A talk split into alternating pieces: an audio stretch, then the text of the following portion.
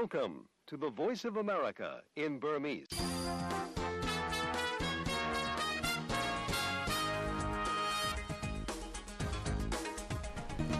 မင်္ဂလာမနက်ခင်းပါရှင်။ VOA American အသံရဲ့2024ခုနှစ်ဇန်နဝါရီလ23ရက်နေ့အင်္ဂါနေ့မနက်ခင်းအစီအစဉ်တွေကိုမြန်မာစံတော်ချိန်မနေ့6နာရီကနေ9နာရီထိ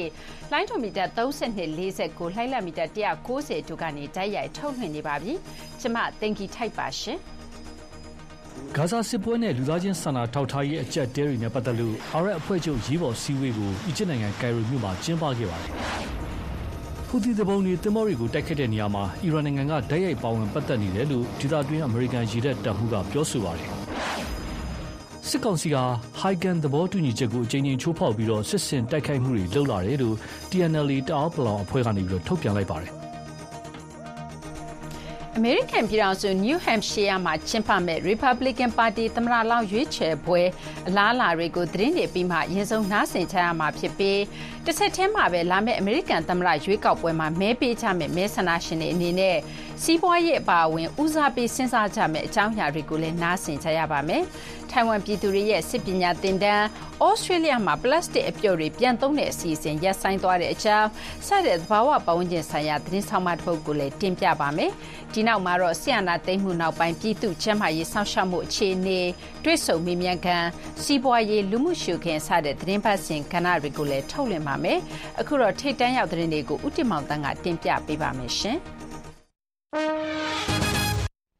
ဂါဇာစစ်ပွဲနဲ့လူသားချင်းစာနာထောက်ထားရေးအကြပ်တဲတွေနဲ့ပတ်သက်ပြီးအာရပ်အဖွဲ့ချုပ်ရဲ့အရေးပေါ်အစည်းအဝေးကိုအီဂျစ်နိုင်ငံကိုင်ရိုမြို့မှာတနင်္လာနေ့ကကျင်းပခဲ့ပါတယ်။အပြစ်ခတ်ရစဲဖို့နဲ့လူသားချင်းစာနာထောက်ထားရေးအကူအညီတွေပေးနိုင်ဖို့အတွက်နိုင်ငံတကာအသိုက်အဝန်းကပိုပြီးဖိအားပေးကြဖို့အစည်းအဝေးသဘာပတိအာရပ်အဖွဲ့ချုပ်ဆိုင်ရာမော်ရိုကိုအမြဲတမ်းကိုယ်စားလှယ်အိတ်ခွာလီက အစည်းအဝေးမှာပြောကြားသွားပါတယ်။လုံခြုံရေးကောင်စီအတွင်းကွဲနေတာကြောင့်တော့ပါလက်စတိုင်းပြည်သူတွေကြုံတွေ့နေရတဲ့ကြေကွဲစရာအဖြစ်တွေရပ်သွားအောင်သံတမန်ရေးနိုင်ငံရေးနဲ့ဥပဒေရေးရာဖိအားဆက်လက်ပေးတာကိုရပ်မပစ်သင့်ဘူးလို့မစ္စတာကွာလီကဆိုပါတယ်။ပါလက်စတိုင်းကိုယ်စားလှယ်မူဟန်နတ်အယ်အယ်လောက်ကတော့အစ္စရေးကိုလက်နက်ပံ့ပိုးပေးနေတာရပ်ဖို့နိုင်ငံတွေကိုတိုက်တွန်းလိုက်ပါတယ်။ အောက်တိုဘာ9ရက်နေ့ ဟာမတ်စ်က စတင်တိုက်ခိုက်တဲ့ဇာဂန်တွေကို ဖမ်းဆီးပြီး ဖြစ်လာခဲ့တဲ့ ဒီစစ်ပွဲမှာ ဂါဇာလူဦးရေရဲ့85ရာခိုင်နှုန်းက စစ်ရှောင်ထွက်ပြေးနေကြရတာပါ။ဟာမတ်စ်တပ်သားနဲ့ အရပ်သား ခွဲမထားတဲ့စည်ရင်အရဆိုရင် အခုဒီပါလက်စတိုင်း25295ယောက် သေဆုံးခဲ့ပြီး လူပေါင်း6000ကျော် ဒဏ်ရာရခဲ့တယ်လို့ ဟာမတ်စ်ရဲ့ ကျန်းမာရေးဌာနကတော့ပြောပါတယ်။အပြစ်ခတ်ရစဲရေးတဲ့ယော်နေတဲ့ ဘာအဆိုပြုချက်ကိုမှလက်မခံနိုင်ပါဘူးလို့ပါလက်စတိုင်းအာဏာပိုင်အဖွဲ့နိုင်ငံခြားရေးဝန်ကြီးကတနင်္လာနေ့မှာပြောကြားလိုက်ပါတယ်။ဥရောပသမဂ္ဂ EU ကဖိတ်ကြားထားတဲ့အစည်းအဝေးကိုတက်ရောက်ဖို့ဘရပ်ဆဲလ်မြို့ကိုရောက်ရှိလာတဲ့အခါမှာမစ္စတာရီယတ်အယ်မာလီကီကအခုလိုပြောလိုက်တာပါ။အစ္စရေးပါလက်စတိုင်းအာရပ်ပိုင်အဖွဲ့အီဂျစ်၊ဂျော်ဒန်ကနိုင်ငံခြားရေးဝန်ကြီးတွေနဲ့အာရပ်အဖွဲ့ချုပ်ကိုယ်စားလှယ်တွေကိုအီးယူနိုင်ငံခြားရေးရာကောင်စီရဲ့ဆွေးနွေးပွဲမှာပါဝင်ဖို့အီးယူကဖိတ်ကြားခဲ့တာဖြစ်ပါတယ်။ အရှေ့အလယ်ပိုင်းမှာငြိမ်းချမ်းဖို့ခိုင်လုံတဲ့တခုတည်းသောနည်းလမ်းကတော့ပါလက်စတိုင်းနိုင်ငံထူထောင်ရေးပဲဖြစ်တယ်ဆိုတာကိုဥရောပသမဂ္ဂနိုင်ငံခြားရေးဝန်ကြီးတွေကသဘောတူညီခဲ့ကြပါတယ်။ဒါပေမဲ့ဒီယူဆချက်ကိုအစ္စရေးဝန်ကြီးချုပ်ဘင်ဂျမင်နာတာယာဟုကပယ်ချလိုက်ပြီးပါလက်စတိုင်းနိုင်ငံဟာအစ္စရေးနိုင်ငံရဲ့ဖြစ်တည်မှုအန္တရာယ်လို့လည်းတနင်္ဂနွေနေ့ကသူ့ရဲ့ဗီဒီယိုထုတ်ပြန်ချက်မှာပြောထားခဲ့တာပါ။အဲဒီထုတ်ပြန်ချက်ကို EU ကရှုတ်ချဖို့မျှော်လင့်ကြောင်း နိုင်ငံနှစ်နိုင်ငံထူထောင်အဖြေရှာရေးအခွင့်အလမ်းဖျက်ဆီးနေကြသူတွေနဲ့မစ္စတာနတာယာဟုအပေါ်ပိတ်ဆို့အရေးယူဖို့ EU ကစတင်စဉ်းစားမယ်လို့မျှော်လင့်ကြောင်းမစ္စတာမာလီကီကပြောကြားသွားခဲ့ပါတယ်။ယီမင်နိုင်ငံဟူသီသူပုန်တွေကသင်္ဘောတွေကိုတိုက်ခိုက်ခဲ့ရာမှာအီရန်နိုင်ငံကအလွန့်ကိုတိုက်ရိုက်ကျကျပါဝင်ပတ်သက်နေတယ်လို့အမေရိကန်ရေတပ်အရှေ့အလယ်ပိုင်းဒေသတပ်မှူးကတနင်္လာနေ့ကပြောကြားလိုက်ပါတယ်။အရင်တုန်းကပါရှာန်ပင်လယ်ကွေ့နဲ့ဟောမုစ်ရေလက်ကြားအထိပဲခြိမ်းခြောက်နေရာကနေ အရှေ့အလယ်ပိုင်းရေပြင်အထိအီရန်နဲ့ဆက်စပ်နေတဲ့တိုက်ခိုက်မှုတွေကချဲ့လာခဲ့တယ်လို့ရေတပ်တပ်မဟာ၅ရဲ့အကြီးအကဲရေတပ်ဒုတိယဗိုလ်ချုပ်ကြီးဘရက်ကူပါကပြောပါတယ်သူတို့ကနိုင်ငံတကာအသိုက်အဝန်းကိုတိုက်ခိုက်နေကြတာဖြစ်ပြီးနိုင်ငံတကာတုံ့ပြန်မှုကိုလည်းမြင်နေရတာဖြစ်တယ်လို့သူကဆိုပါတယ်။အမေရိကန်အလံတင်ထားတဲ့သင်္ဘောတွေကိုပဲတိုက်ခိုက်တာဖြစ်တယ်လို့ဟူသီခေါင်းဆောင်ပိုင်းကနောက်ပိုင်းမှာပြောခဲ့ပေမဲ့ဒါကိုသီးခြားအတည်ပြုဖို့ကတော့ခက်နေပါသေးတယ်။ အီဂျစ်ကဆူယက်တူးမြောင်းကိုရောက်တဲ့ရေလမ်းမှာအီရန်ကျောထောက်နောက်ခံပေးထားတဲ့ဟူသီတွေကနိုဝင်ဘာလကတည်းက34ကြိမ်တိုက်ခိုက်ခဲ့တာပါ။ဟူသီစစ်သွေးကြွတွေဟာရှီဟာသူပုန်အုပ်စုဖြစ်ပြီး၂၀၁၄ခုနှစ်ကတည်းကယီမင်နိုင်ငံရဲ့မြို့တော်ဆာနားကိုသိမ်းပိုက်ထားခဲ့ပါတယ်။အဝေးရောက်ယီမင်အစိုးရကိုထောက်ခံတဲ့ဆော်ဒီအာရေဗျဦးဆောင်တဲ့မဟာမိတ်အဖွဲ့နဲ့ဟူသီတွေက၂၀၁၅ကတည်းကစစ်ဖြစ်နေခဲ့ကြတာဖြစ်ပါတယ်။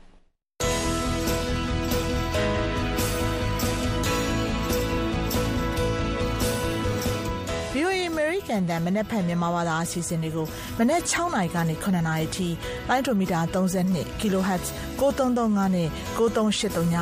လိုင်းဒိုမီတာ49 kHz 6153ညပထမနိုင်ဝက်မှာလှိုင်းလက်မီတာ190 kHz 1505တို့ကနေပြီးထုတ်လွှင့်ပေးနေပါတယ်ရှင်။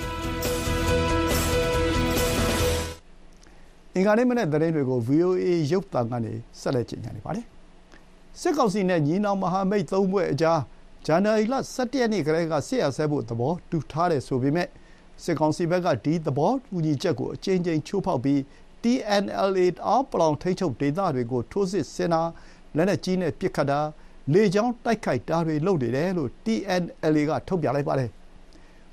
ဟိုက်ကင်သဘောတူညီချက်ကို ချိုးဖောက်ပြီး စစ်ကောင်စီဘက်က TNLA ထိန်းချုပ်ရာ မိုးကုတ်နဲ့ မိုးမိတ်ကြားကို စတင် ထိုးစစ်ဆင်ခဲ့လို့ နှစ်ဖက်ရင်ဆိုင်တိုက်ပွဲတွေရှိခဲ့တယ်လို့ညီနောင်မဟာမိတ်သုံးဘက်ပူးတွဲထုတ်ပြန်ချက်မှာလည်းဖော်ပြထားပါတယ်။ဇန်နဝါရီလ17ရက်နေ့အပြစ်ခတ်ရစဲရေးလက်မှတ်ထိုးခဲ့ပြီးတဲ့နောက်ဇန်နဝါရီလ22ရက်နေ့အထိစစ်ကောင်စီတပ်ကနေ TNLA ထိန်းချုပ်ထားရာမိုးမိတ်ကြောင်မဲမိုးကုတ်နမ်ခမ်းလာရှိုးမြို့နယ်ဘက်တွေကိုထိုးစစ်ဆင်တာလက်နက်ကြီးနဲ့လေကြောင်းတိုက်ခိုက်မှုတွေပြုလုပ်နေတယ်လို့ TNLA ထုတ်ပြန်ချက်မှာဖော်ပြပါတယ်။ဒီချိန်တည်းမှာတော့ရှမ်းပြည် မြောက်အိုက်ကမိုးမိတ်မြို့နဲ့မဘိမ်းမြို့ကိုတနင်္ဂနွေနေ့ကမနေ့ပိုင်းက KIA နဲ့ပူးပေါင်းတပ်တွေကသိမ်းယူနိုင်ခဲ့တဲ့အကြောင်း KIA ပြန်ကြားရေးတာဝန်ခံက VOA ကို ပြောပါတယ်။ AA ရခိုင်တပ်တော်နဲ့စစ်ကောင်စီအကြား ရခိုင်မြောက်ပိုင်းဒေသ ပေါက်တော မြောက်ဦး မင်းပြားနဲ့ ရသေ့တောင်တွေမှာလည်း တိုက်ပွဲတွေ ပြင်းထန်နေပါတယ်။ AA ရခိုင်တပ်ဘက်က စစ်ကောင်စီစခန်းတွေကို သိမ်းယူခဲ့ပြီး စစ်ကောင်စီတပ်ဘက်က အကြဆုံး အတော်များများ ရှိခဲ့တယ်လို့ သိရပါတယ်။ကျောက်ဖြူမြို့နယ်မှာရှိတဲ့ စစ်ကောင်စီရဲ့ဓညဝတီရေတပ်ဌာနချုပ်စခန်းကိုလည်း AA ဘက်ကဒုတိယအကြိမ်ထပ်မံတိုက်ခိုက်ခဲ့တယ်လို့လည်းသိရပါတယ်။ရှမ်းမြောက်နဲ့ရခိုင်ဘက်ကတိုက်ပွဲအခြေအနေတွေနဲ့ပတ်သက်လို့စစ်ကောင်စီဘက်ကတော့တစုံတရာထုတ်ပြန်ပြောဆိုတာမတွေ့ရပါဘူး။ညီနောင်သုံးဘက်ကိုလက်နက်ချခဲ့တဲ့လောက်ကိုင်မြို့အထိုင်စစ်ကောင်စီတပ်မှူး6ဦးကိုစစ်ခုံရုံးနဲ့ရေးယူလိုက်ပြီဆိုတဲ့သတင်းတွေလည်းကြဲကြဲပြန့်ပြန့်ထွက်ပေါ်နေပါတယ်။ဒါပေမဲ့ဒါနဲ့ပတ်သက်လို့တော့ VOA အနေနဲ့သီးခြားအတည်မပြုနိုင်သေးတယ်လို့စစ်ကောင်စီ ဘက်ကိုစုံစမ်းမေးမြန်းထားဆဲဖြစ်ပါတယ်။ဟာမတ်စ်စစ်သွေးကြွတွေဖမ်းဆီးခံထားရတဲ့ဓဇာဂန်ရဲ့ဆွေမျိုးသက်တိုက်ဟာဂျေရုဆလမ်ကအစ္စရေးလွှတ်တော်ထဲကိုတနင်္လာနေ့ကဝင်ရောက်သွားကြပြီးအဖမ်းခံနေရသူတွေလွှတ်ပေးအောင်ဆောင်ရွက်ပေးဖို့လွှတ်တော်အမတ်တွေကိုတောင်းဆိုလိုက်ကြပါတယ်။ဓဇာဂန်နောက်တစ်ယောက်သေဆုံးသွားကြောင်းကြေညာပြီးတဲ့နောက်အခုလိုလွှတ်တော်ထဲဝင်ဆန္ဒပြလာကြတာပါ။အမျိုးသမီးတယောက်ကသူ့မိသားစုထဲကအဖမ်းခံ၃ယောက်ရဲ့ဓာတ်ပုံတွေကိုကိုင်ဆောင်ထားတာတွေ့ရပါတယ် အောက်တိုဘာလ၇ရက်ကဟာမတ်စ်ကအစ္စရေးကိုဝင်ရောက်တိုက်ခိုက်ရာမှာဓားစာခံအဖြစ်လူ၂၅၃ယောက်ဖမ်းဆီးသွားခဲ့တာပါ။နိုဝင်ဘာလတုန်းကအပစ်ရပ်ရေးမှာတချို့လွတ်လာခဲ့ပေမဲ့ဓားစာခံ၁၃၀ကျော်ဟာဟာမတ်စ်တွေရဲ့လက်ထက်မှာကျန်ရှိနေပါသေးတယ်။မရှက်ကြဘူးလား။အဖမ်းခံနေရသူတွေကငါတို့ရဲ့ညီအစ်ကိုမောင်နှမပဲမဟုတ်ဘူး။ခင်ဗျားတို့တွေရဲ့ညီအစ်ကိုမောင်နှမတွေလည်းဖြစ်တယ်လို့အမတ်တွေကိုအော်ပြောနေကြတာကိုလည်းတွေ့ရပါတယ်။ဒီအဖမ်းခံနေရသူတွေကခင်ဗျားတို့ရဲ့ကလေးတွေဖြစ်မယ်ဆိုရင်ခင်ဗျားတို့ဘာလုပ်ကြမလဲလို့လည်း မေးခွန်းထုတ်ကြပါတယ်။ဓားစာခံလွတ်ရင်းနဲ့အပြစ်ရရေးဆက်ဆက်ညှိနှိုင်းမှုကိုအစ္စရေးဝန်ကြီးချုပ်ကလက်မခံပယ်ချထားတာပါ။ဂါဇာကမ်းမြောင်ဒေသကိုငတ်မွတ်ခေါင်းပါးမှုဇုံဖြစ်ကြေညာဖို့ဟာမတ်စ်အဖွဲ့ကကမ္ဘာ့ကျန်းမာရေးအဖွဲ့ကြီး WHO ကိုတနင်္လာနေ့ကတောင်းဆိုလိုက်ပါတယ်။အစားအစာပြတ်လတ်တာကြောင့်ဂါဇာကပါလက်စတိုင်းပြည်သူတွေဟာအငတ်ဘေးဒုက္ခကိုစတင်ခံစားနေကြရတာပါ။ဂါဇာမှာအရေးပေါ်အကူအညီတွေလိုအပ်နေပြီး ပါလက်စတိုင်းပြည်သူတွေအငတ်ဘေးနဲ့ရောဂါဘေးကြုံကြရလိမ့်မယ်လို့ကုလသမဂ္ဂရဲ့ဌာနကြီး၃ခုကပူးတွဲကြေညာချက်ထုတ်ပြန်ပြီးတပတ်အကြာမှာဟာမတ်စ်ကအခုလိုပြောလာတာပါ။အသက်ရှင်နေဖို့တိရစ္ဆာန်အစားအစာတွေကိုစားရတဲ့အဖြစ်ကြုံနေကြရပါတယ်လို့ဟာမတ်စ်အဖွဲ့ရဲ့အကြီးတန်းတာဝန်ရှိသူအိုစမာဟန်ဒမ်ကသတင်းထောက်တွေကိုလက်ဘနွန်နိုင်ငံဘေရွတ်မြို့မှာပြောပါတယ်။ဂါဇာကပါလက်စတိုင်းပြည်သူ၂သန်းအပေါ်ကျရောက်လာမယ့်အငတ်ဘေးကိုကာကွယ်နိုင်ဖို့အတွက် မွတ်ဆလင်နဲ့ အာရပ်နိုင်ငံတွေက အစ္စရေးကို ဖိအားပေးရာမှာ ဝင်ရောက် ဆောင်ရွက်ပေးကြဖို့လည်း သူက တောင်းဆိုလိုက်ပါတယ်။အစ္စရေးဝန်ကြီးချုပ်ဘင်ဂျမင်နာတာယာဟုကအခုလို တိုက်ခိုက်နေသရွေ့ညှိနှိုင်းဆွေးနွေးရေးကို မပြောနိုင်သလို ဆွေးနွေးညှိနှိုင်းရင်လည်း မအောင်မြင်နိုင်ဘူးလို့ သတင်းထောက်တွေရဲ့အမေးကို သူက ဖြေကြားသွားပါတယ်ခင်ဗျာ။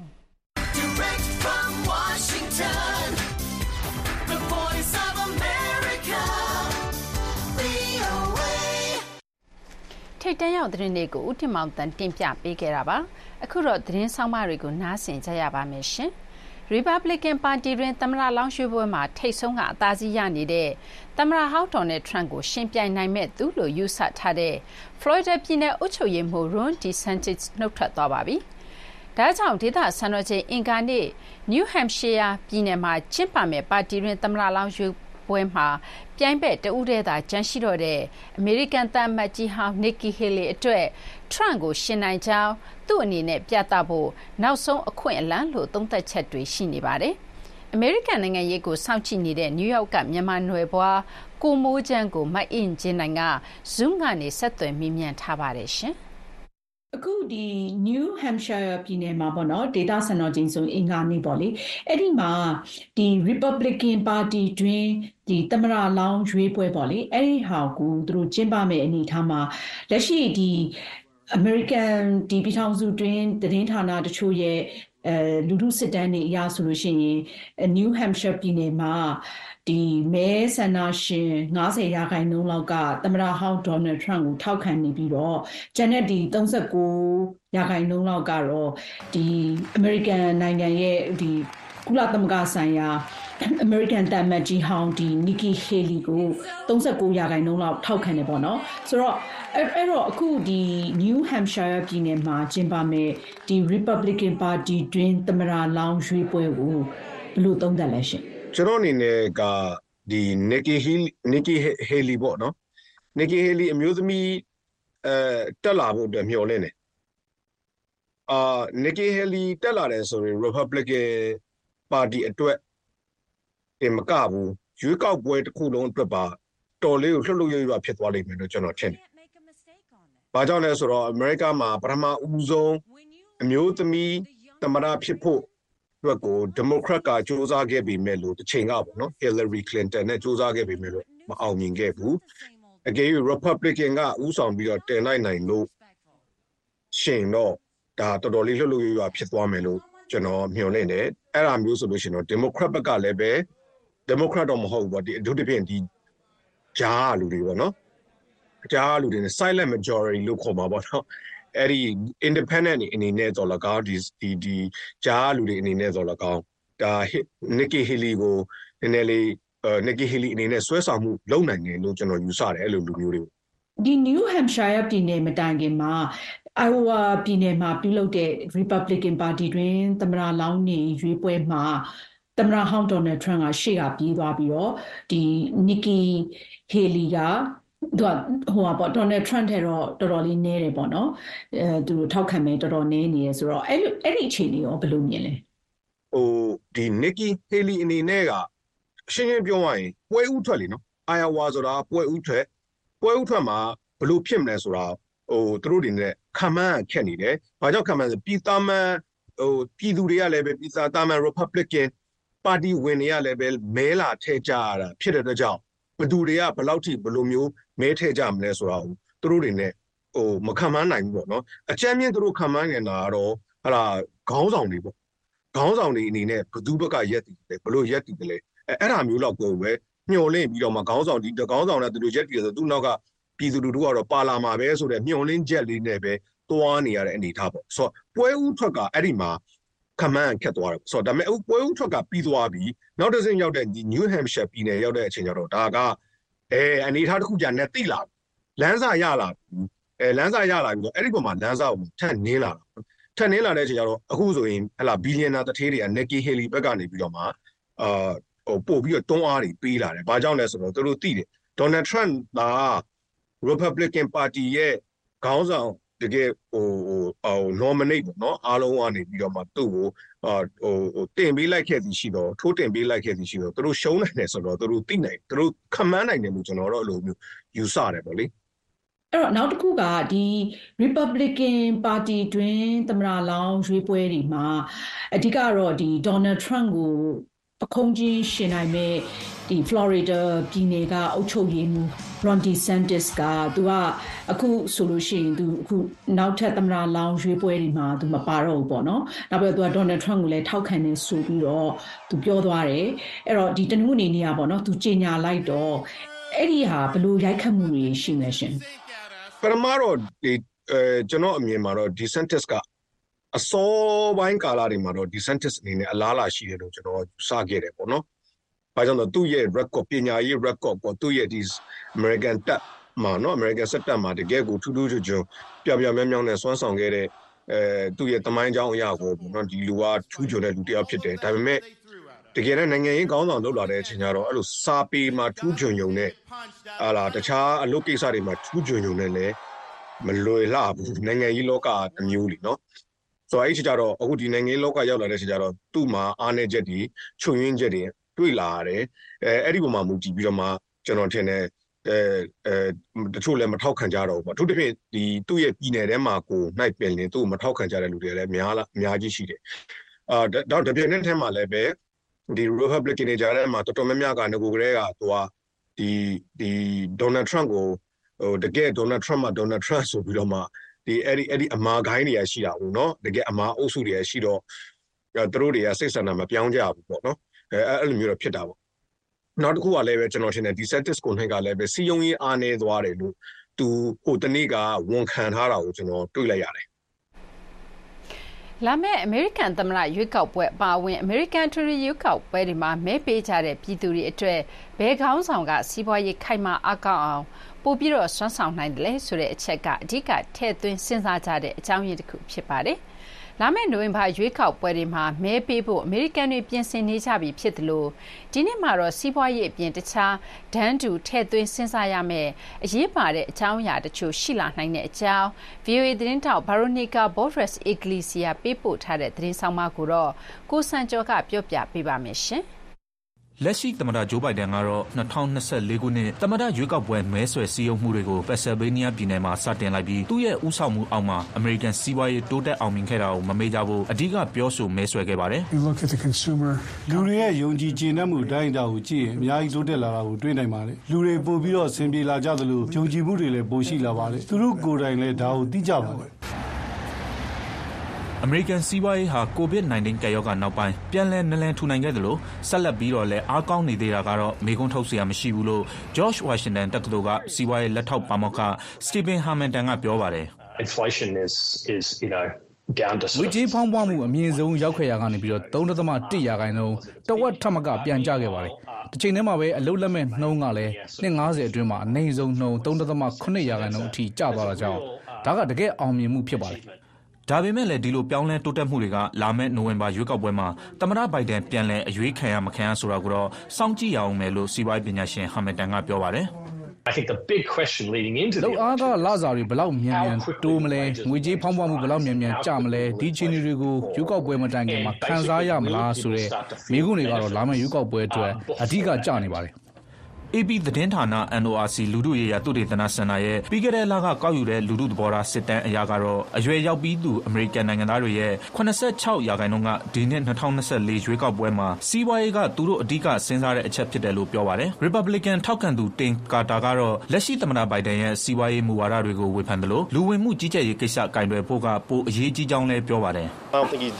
သူပြောသလောက် ကောင်းနေတယ်လို့တော့ ကျွန်တော် မထင်ပါဘူး။ခင်ဗျားတို့ သိတဲ့အတိုင်းပဲတာမန် အမေရိကန်တွေအတွက်ကတော့ ဝင်ငွေနဲ့ လောက်ငှအောင် မနှဲစူးစမ်းနေကြရတာပါ ငွေကြေးဖောက်ပွားမှု သိမ့်မြင့်နေတော့ ဝင်ငွေက နည်းသွားတာပါပဲ ဝါရှင်တန်မြို့တော်က Adams Morgan ရပ်ကွက်မှာနေထိုင်တဲ့ မဲဆန္ဒရှင်တချို့ကို မေးမြန်းခဲ့တာမှာတော့ ကိုဝင်ဖျက်ချမှုကင်တွယ်ဖို့နဲ့ နိုင်ငံခြားရေးရာ မူဝါဒကိစ္စတွေကို အဓိက ထည့်သွင်းစဉ်းစားမဲပေးမဲ့အကြောင်း ပြောဆိုကြပါတယ်။ To me the the social issues are the biggest ကျွန်တော်တို့တော့လူမှုရေးပြဿနာတွေကင်တွယ်နိုင်မှုကအရေးကြီးဆုံးပါပဲအဓိကကတော့ကိုဝင်ဖျက်ချမှုဆိုင်ရာပြဋ္ဌာန်းချက် Roe v Wade ပါကျွန်တော်ကတော့ Nikki Haley ရဲ့ရည်တည်ချက်ကိုသဘောကျပါတယ်လက်တွေ့ကျဖို့လိုပါတယ်ကိုဝင်ဖျက်ချခွင့်ကိုတနိုင်ငံလုံးတိုက်တာနဲ့တော့တားမြစ်နိုင်မှာမဟုတ်ဘူးပေါ့ဗျာ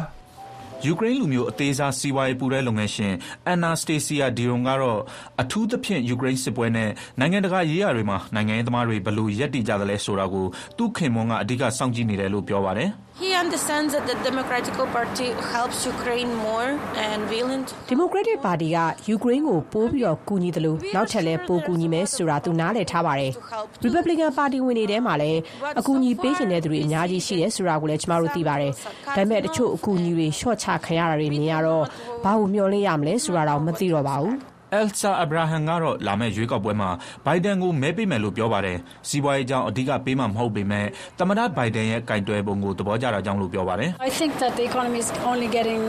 စီးပွားရေး ပိုပြီး အားကောင်းလာတာတင်မကဘဲ အတိုးနှုန်းထားတွေလည်း ဒီနှစ်ထဲ ပြန်ကျလာမယ်လို့ ထင်ပါတယ်။ကျမကတော့ အဲလိုဖြစ်လာဖို့လည်း မျှော်လင့်တယ်။" ဒါပေမဲ့လည်းဗဟိုဘဏ်အနေနဲ့ နိုဝင်ဘာရွေးကောက်ပွဲမတိုင်ခင် ငွေကြေးဖောင်းပွမှုနှုန်းကို ၂ ရာခိုင်နှုန်းလျှော့ချနိုင်တဲ့အထိ လုပ်ဆောင်နိုင်မလား၊အတိုးနှုန်းတွေ ထပ်တင်ရတဲ့အခြေအနေဖြစ်လာမလား မသေချာမရေရာမှုတွေ ရှိနေသေးတယ်လို့ စီးပွားရေးပညာရှင်တွေက သတိပေးပြောဆိုနေကြပါတယ်ခင်ဗျာ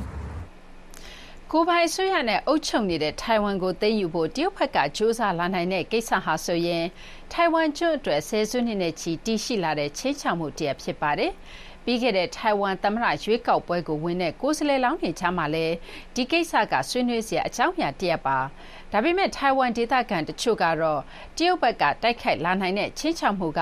အရင်ကထက်တိုးလာနေတယ်လို့ပြောဆိုကြပြီးဒီအတွက်လည်းပြင်ဆင်နေကြပါတယ်။ VOA သတင်းထောက် Lisbeth Lee ရဲ့သတင်းဆောင်းပါးကိုနားဆင်ပါရှင်။ လေသေနတ်ပစ်ကလပ်မှာ တခြားသင်တန်းသားတွေက ပလတ်စတစ်ကျည်စေ့နဲ့ လေ့ကျင့် ပစ်ခတ်နေကြချိန် စစ်ပွဲအတွေ့အကြုံရှိတဲ့ တိုနီလူကတော့ ကျည်အစစ်ကို သုံးနေပါတယ်။လေလက်မှတ်ဝယ်ပြီး ယူကရိန်းကို သွားခဲ့ပါတယ်။ဘယ်သူမှ မပြောခဲ့ပါဘူး။လီယိုအတွက်တော့ ယူကရိန်းမှာ ၃ လတာ တိုက်ပွဲဝင်ခဲ့တာကို ပြန်ပြီး သတိရစေပါတယ်။ရုရှား-ယူကရိန်းစစ်ပွဲနောက်ပိုင်းမှာ အရပ်ဘက်ကာကွယ်ရေးသင်တန်းတွေ ပိုပြီးများလာပါတယ်။ရုရှားက ယူကရိန်းကို တိုက်ခိုက်နိုင်ရင် တရုတ်ကလည်း ထိုင်ဝမ်ကို တိုက်ခိုက်လာနိုင်တယ်လို့ထိုင်ဝမ်ပြည်သူတချို့ကစိုးရိမ်ကြပါတယ်။သေနတ်ပစ်တတ်ဖို့လေ့ကျင့်သူတွေရှိသလိုတချို့ကတော့ကြေးနန်းဆက်သွယ်ရေးကိုသင်ယူဖို့စိတ်အားထက်သန်ကြပါတယ်။ခူးမားအကယ်ဒမီကစာသင်ခန်းမှာတော့သင်တန်းသားတွေကလုပ်ကြံသတင်းတွေကိုဖော်ထုတ်နိုင်ရေး၊အခြေခံအဆောက်အအုံတွေဖရိုဖရဲဖြစ်လာခဲ့ရင်ရှင်သန်ရပ်တည်ရေး၊ရှေးဦးသူနာပြုစုနည်းနဲ့အသက်ကယ်ရေးတို့ကိုလေ့လာသင်ယူကြပါတယ်။သင်တန်းသားအများစုကအမျိုးသမီးတွေဖြစ်ပါတယ် ခူမာအကယ်ဒမီကိုပူးရဲတည်ထောင်သူမာကိုဟိုကအခုလိုပြောပါတယ်မိခင်များအဖွဲ့လိုပါပဲသူတို့သင်တန်းကိုလာရတဲ့ရည်ရွယ်ချက်ကတော့စစ်ပွဲအပါဝင်ပုံမှန်မဟုတ်တဲ့အခြေအနေမျိုးတွေမှာသူတို့ဘာလုပ်နိုင်မလဲမိသားစုကိုဘလို့ကာကွယ်နိုင်မလဲဆိုတာတွေကိုသိလို့ကြတာပါထိုင်ဝမ်နဲ့တရုတ်ကြားတမိုင်းကြောင်ဟာဆိုရင်လွန်ခဲ့တဲ့နှစ်ပေါင်း80ကျော်ကပြီးဆုံးခဲ့တဲ့တရုတ်ပြည်တွင်းစစ်ကနေဆင်းသက်လာတာပါ ကွန်မြူနစ်တွေ အနိုင်ရခဲ့ပြီးနောက် အာဏာရအစိုးရက ထိုင်ဝမ်ကို ဆုတ်ခွာတာ ဖြစ်ပါတယ်။အခုတော့ ထိုင်ဝမ်မှာ ကိုယ်ပိုင် ဒီမိုကရေစီနည်းကျ အစိုးရတရပ် ရှိနေပေမဲ့တရုတ်အစိုးရကတော့ ထိုင်ဝမ်ဟာ တရုတ်ရဲ့ အစိတ်အပိုင်းဖြစ် မှတ်ယူထားတာပါ။ထိုင်ဝမ်ကျွန်းကို တရုတ်ဘက်က တိုက်ခိုက်လာနိုင်ခြေက အမြဲတမ်း ရှိနေပေမဲ့ နှစ်ပေါင်းများစွာကြာလာချိန်မှာတော့တချို့သူတွေကလစ်လျူရှုလာကြတယ်လို့ခူးမားအကယ်ဒမီရဲ့ပူးရဲတီထောင်သူမာကိုဟိုကပြောပါတယ်ဒီအဖြစ်အပျက်ကမနေ့ကလည်းမဖြစ်ဘူးဒီကနေ့လည်းမဖြစ်ဘူးမနေ့ဖန်လည်းဖြစ်မှာမဟုတ်ဘူးလို့တခါတည်းတွေးကြပါတယ်ဒီလိုတွေးကြတာတွေကသိတ်ကိုအန္တရာယ်ရှိပါတယ်တရုတ်ခေါင်းဆောင်ရှီကျင်းပင်အာဏာရလာခဲ့ပြီးတဲ့နောက်တရုတ်ရဲ့ချင်းချောက်မှုကပြောင်းလဲလာခဲ့ပြီလို့ပြောသူတွေလည်းရှိပါတယ်။ မာကိုဟိုကအခုလိုပြောပါတယ်他想要成为သူကနိုင်ငံတကာစံနှုန်းတွေကိုသတ်မှတ်သူဖြစ်ချင်နေတာပါတရုတ်ရဲ့ချင်းချောက်မှုမှာတတိထားရမယ်တခြားအကြောင်းလည်းရှိတယ်လို့တင်တန်းသူဝါတိုတိုလောက်ကပြောပါတယ်我觉得最大原因也是ဤပညာကအကြီးဆုံးအကြောင်းရင်းလို့ထင်ပါတယ်တရင်အချက်လက်တွေအားလုံးမှာရှုပ်ထွေးနေပါတယ်တရင်အချက်လက်ရှုပ်ထွေးနေတာကြောင့်စစ်ရေးတိုက်ခိုက်မလားဒါမှမဟုတ်လဲတရင်အချက်လက်စစ်ပွဲဖြစ်မလားဆိုတာမသိပါဘူး ထိုင်ဝမ်ပြည်သူတွေကျွန်းကိုကာကွယ်နိုင်မလားဆိုတာကိုဘီယူကတန်တရားရှိပါတယ်ကျွန်တော်ကတော့သိပ်ပြီးတော့မထင်ပါဘူးထိုင်ဝမ်ကိုကာကွယ်နိုင်ရေးအတွက်လူတွေစွန့်ရင်မြင့်တင်ဖို့လိုအပ်ပါတယ်ဘဝကသိပ်ပြီးတော့အေဂျင့်တာယာနေရပါ တရုတ်ဘက်ကတိုက်ခိုက်လာနိုင်ခြင်းဟာဆိုရင်ထိုင်ဝမ်မှာသမရတဲ့ဘယ်သူအရွေးခံရမလဲဆိုတဲ့အပေါ်မှာမူတည်တာမဟုတ်ဘူးလို့လေလာသူတို့ကပြောကြပါတယ်စစ်ရဲ့အန်ဒီယတွေကိုတွက်ချက်နေမဲ့အစားစစ်ဖြစ်လာနိုင်တဲ့ဆိုတဲ့အရှိတရားကိုထိုင်ဝမ်ပြည်သူတွေရင်ဆိုင်ဖို့လိုအပ်ပြီးဒီအတွက်ပြင်ဆင်ထားရမယ်လို့ဟိုကပြောပါတယ်ရှင်။ VOA American တန်ရဲ့ရုပ်သံနဲ့ရေဒီယိုထုတ်လွှင့်မှုတွေကိုနေ့စဉ် American ပြည်အောင်စုဝါရှင်တန်မြို့တော်ကနေဓာတ်ရိုက်ထုတ်လွှင့်တင်ဆက်ပေးနေပါတယ်။ဂျိုရုဖမ်းယူမှုနဲ့ line to meter တို့အပြင်ကျမတို့ VOA မြန်မာပိုင်း internet စာမျက်နှာဖြစ်တဲ့ burmese.voanews.com မှာလည်းကြည့်ရှုနားဆင်နိုင်ပါတယ်။ VOA မြန်မာ internet စာမျက်နှာကိုဝင်ကြည့်လို့မရရင်တော့တခြားနောက်နည်းလမ်းတွေနဲ့လည်းဝင်ကြည့်လို့ရပါတယ်။အဲ့ဒီနောက်ထပ်နည်းလမ်းတွေကိုရဖို့ဆိုရင် Siphon link bit.ly/36fapfe နဲ့ nlink ဖြစ်တဲ့ nlink.com/download ဆိုတဲ့ web လိပ်စာတွေမှာ application ရယူနိုင်ပါတယ်နော်။ VOA American တန်ရဲ့ရုပ်သံနဲ့ရေဒီယိုထုတ်လွှင့်ချက်တွေကိုမြန်မာပြည်သူတွေစီအရောက်ပို့ပေးနိုင်မှုအစီအမြဲကြိုးပမ်းနေပါတယ်ရှင်။ ဩစတြေးလျကအဓိကစူပါမားကတ်ကြီးတွေဥဆောင်လုပ်ကိုင်တဲ့အပျော်စားပလတ်စတစ်ပြန်လည်အသုံးပြုရေး Red Cycle အစီအစဉ်ရပ်သွားတာတစ်နှစ်လောက်ရှိပါပြီ။အဲ့ဒီအချိန်မှာတော့အပျော်စားပလတ်စတစ်တန်ချိန်11000ကိုပြန်လည်အသုံးပြုမဲ့အစားဂိုရောင်တွေမှာသိမ်းဆည်းတူလောင်ထားခဲ့တာတွေ့ခဲ့ရပါတယ်။အခုတော့ဒေသ ဒေသန္တရကောင်စီဘက်ကပလတ်စတစ်တွေကိုပြန်လည်သိမ်းယူတာမျိုးမရှိတော့တာကြောင့်ဒေသခံတွေမှာလည်းအဲ့ဒီပလတ်စတစ်တွေကိုအမိုက်ပုံတွေစီစွန့်ပစ်တာကလွဲလို့တခြားရွေးစရာသိပ်ပြီးတော့မရှိဘဲဖြစ်နေကြပါတယ်။ AP သတင်းဆောင်မကိုအခြေခံပြီးနန်းလောင်တင်ပြထားပါတယ်ရှင်။အစားအသောက်တွေထုတ်ပိုးတာကနေဈေးဝယ်အိတ်တွေအထိအပြော့စားပလတ်စတစ်အိတ်တွေကိုရှောင်ဖို့မလွယ်ပါဘူး။ ဩစတြေးလျသဘာဝပတ်ဝန်းကျင်ဌာနရဲ့အဆိုအရ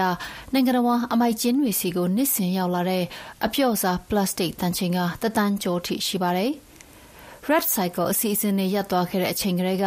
စစ်ဒနီမြို့ခံတွေမှာအခက်တွေ့နေရတာပါ။ Simon Melinda ကတော့သူ့အိမ်ထွက်ပလတ်စတစ်အမိုက်တွေကိုစွမပစ်ပဲနောက်ထပ်အစိုးရရဲ့အစီအစဉ်တစ်ထွက်လာမလားဆိုတာကိုစောင့်ကြည့်နေပါတယ်။ I will make sure that every piece of အစိုးရရဲ့အစီအစဉ်တစ်တစ်ခုထွက်လာတဲ့အချိန်ထိဘလောက်ပဲကြာကြာကျွန်တော်ကတော့စောင့်မှာပါတိတ်မကြခင်ဖြစ်လာရင်တော့ပိုကောင်းပါတယ်ကျွန်တော်သုံးခဲ့တဲ့ plastic တစ်ခုတလေမှအမိုက်ကျင်းတွေရောက်မတော့အောင်ဆက်ပြီးတင်ထားအောင်ပါပါ ဆေးဝယ်ကုန်လိုက်ကြီးတွေရဲ့ Red Cycle အစီအစဉ်ဟာအပြော့စားပလတ်စတစ်တွေကိုပြန်လည်အသုံးပြုဖို့ရည်မှန်းထားခဲ့တာပါဒါပေမဲ့လည်းအဲ့ဒီပလတ်စတစ်ပြော်တွေကိုကိုရောင်တွေမှာတင်စီတိုးလောင်ထားတာကိုသက်ဆိုင်ရာအာဏာပိုင်တွေစစ်ဆေးတွေ့ရှိခဲ့ပြီးတဲ့နောက်မှာတော့ Red Cycle အစီအစဉ်တွေပြီးခဲ့တဲ့တနေ့မှာရပ်ဆိုင်းသွားခဲ့တာဖြစ်ပါတယ်ပလတ်စတစ်အမိုက်တိုက်ဖြတ်ရေးလှုံ့ဆော်နေတဲ့ Boomerang Alliance ညွှန်ကြားရေးမှူး Jeff Angel ကအခုလိုပြောပါတယ် new uh, strong government regulation to make industry do the proper thing and get this plastic တဘာဝပတ်ဝန်းကျင်ကနေပလတ်စတစ်အမှိုက်တွေကိုလုပ်ငန်းရှင်တွေဘက်ကတည်တည်ချာချာဖယ်ရှားနိုင်ဖို့ခိုင်မာအားကောင်းတဲ့နည်းဥပဒေတွေလိုအပ်နေပါတယ်ကျွန်တော်တို့မှာဒီလိုကွာဟချက်ကြီးတွေရှိနေပါတယ် စစ်တေမှာပလတ်စတစ်ပြော့တွေကိုလိုက်ပြီးတော့တင်စီကောက်ယူပေးဖို့ကလန်နဲ့ကုမ္ပဏီငယ်တချို့တော့ရှိပါတယ်။ဒါပေမဲ့လည်းတတ်မှတ်ထားတဲ့ဒေတာတချို့လောက်ကိုပဲအခကြေးငွေယူပြီးတော့ကောက်ယူတင်စီပေးတာပါ။ Recycle Smart ဈေးကွက်အရာရှိချုပ် Igwin Alonso ကအခုလိုပြောပါတယ်။အပျော်စားပလတ်စတစ်အိတ်တွေကိုလိုက်ပြီးကောက်ယူသိမ်းဆည်းပေးတဲ့လက်ရှိဒေသတဝိုက်မှာဆိုရင်တော့ကျမတို့ကုမ္ပဏီတစ်ခုပဲရှိတယ်လို့တောင်ပြောနိုင်ပါတယ်။ ဖယ်ဒရယ်ကပြဋ္ဌာန်းထားခဲ့တဲ့ထုတ်ပိုးဥပဒေမူကြမ်းကတော့စီးပွားရေးလုပ်ငန်းရှင်တွေဘက်ကသူတို့ရောင်းချတဲ့ကုန်ပစ္စည်းထုတ်ပိုးမှုအပေါ်တာဝန်ယူမှုရှိအောင်ရည်ရွယ်ထားတာပါ။ဒါပေမဲ့လည်း Coles နဲ့ Woolworths တို့လိုဩစတြေးလျဈေးဝယ်စင်တာကြီးတွေကတော့အပျော့စားပလတ်စတစ်အိတ်တွေကိုပြန်လည်အသုံးပြုတဲ့အစီအစဉ်ပြန်မစခင်သိုလှောင်သိမ်းဆည်းထားတဲ့ပလတ်စတစ်တွေကိစ္စအရင်စီမံရအောင်မယ်လို့ပြောပါတယ်။ဒါပေမဲ့လည်းအဲ့ဒီလိုလုပ်ငန်းတွေကဘယ်တော့ပြီးမလဲဆိုတာကိုတော့ဘယ်သူမှပြောမသွားပါဘူး။ New South Wales ပြည်နယ်အစိုးရဥက္ကဋ္ဌ Daria Tully ကတော့ကုမ္ပဏီတွေမှာတာဝန်ရှိတယ်လို့ခုလိုပြောပါတယ်။ The responsibility really has to go back to those that produce နောက်ဆုံးမှာတော့အပြော့စားပလတ်စတစ်အမှိုက်တွေကိုထုတ်လုပ်သူတွေဘက်ကနေပြီးတော့ပြန်ပြီးတော့တာဝန်ယူသိမ်းဆည်းပေးကြရမှာပါ။အစိုးရရဲ့နိုင်ငံတော်ပလတ်စတစ်အစီအစဉ် National Plastic Plan အရဩစတြေးလျမှာနှစ်စဉ်ပလတ်စတစ်အပြောစား80ဘီလီယံလောက်အထိဝယ်ယူနေတာပါ။ ဒါကြောင့်လည်းသက်ဆိုင်ရာကပလတ်စတစ်တွေလာသိမ်းမှုစောင့်နေကြတဲ့စီနီမြို့ခံမလန်ဒါတို့လိုလူတွေအတွက်ကတော့အချိန်ကြာလာတာနဲ့အမျှအိမ်မှာစုထားတဲ့ပလတ်စတစ်အမိုက်တွေရဲ့ဝန်ထုတ်ဝန်ပိုးတွေလည်းတနေ့တခြားပိုးပြီးတော့ဆိုးဝါးလာနေတာဖြစ်ပါတယ်။ကျမနင်္ဂလာပါ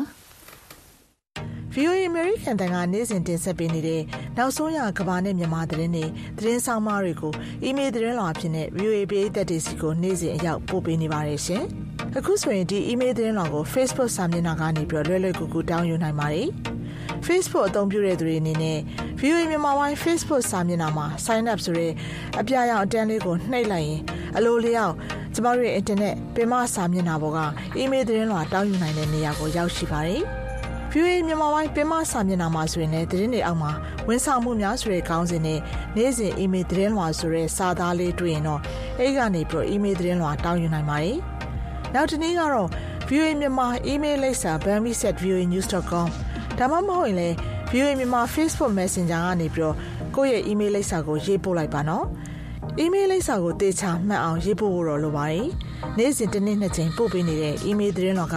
သတင်းကောင်းစင်တွေနဲ့သတင်းအချင်းချုပ်ကိုတစုတစည်းရရှိနိုင်အောင်လို့စီစဉ်ပေးထားပါတယ်။ VOA ပြည်သက်အတွက်သတင်းတွေကိုရေဒီယိုရုပ်မြင်သံကြားနဲ့အင်တာနက်တို့ကနေအရောက်ပို့ပေးနေပါတယ်ရှင်။မင်္ဂလာမနက်ခင်းပါရှင်အခုဒုတိယပိုင်းအစီအစဉ်မှာတော့စီးပွားရေးနဲ့လူမှုရှုခင်းသတင်းပတ်စဉ်ခဏတွေကိုမကြခင်မှာနားဆင်ကြရပါမယ် အခုတော့တီးသန့်တွဲဆုံမင်းမြန်ကန်တစ်ခုကိုတင်ပြပါမယ်ရှင်မြန်မာနိုင်ငံမှာဆီယနာသိန်းတာ၃နှစ်ရှိလာခြင်းလူမှုအတွက်ကျန်းမာရေးစောင့်ရှောက်မှုပေးတဲ့လုပ်ငန်းတွေအတွက်စိန်ခေါ်မှုတွေတိုးလာတယ်လို့မေဒေါ်စေကန်တာဝန်ခံဒေါက်တာစင်တီယာမောင်ကပြောပါတယ်။ထိုင်းမြန်မာနယ်စပ်မဲဆောက်မယ်တော်ဆေးကဟာမြန်မာရွှေပြောင်းလုပ်သားတွေနဲ့ပြည်တွင်းကကျန်းမာရေးစောင့်ရှောက်မှုလိုအပ်နေသူတွေကိုအကူအညီပေးနေတာဖြစ်ပါတယ်။ မယ်တော်ဆေးကကိုတီးထောင်သူဒေါက်တာစင်တီယာမောင်ကိုဒေါခင်မျိုးသက်တွဲဆုံမေးမြန်းထားပါတယ်ရှင်။ဆမန်တော်စင်တီယာအခုလိုမျိုး VOA ကိုဖြေကြားပေးတဲ့အများကြီးကျေးဇူးတင်ပါတယ်ဆမ။အခုပေါ့နော်။အခုဆိုလို့ရှိရင်စစ်တပ်ကအာဏာသိမ်းထားတာ၃နှစ်ရှိပါပြီဆမ။၃နှစ်အတွင်းမှာပေါ့နော်။ဒီ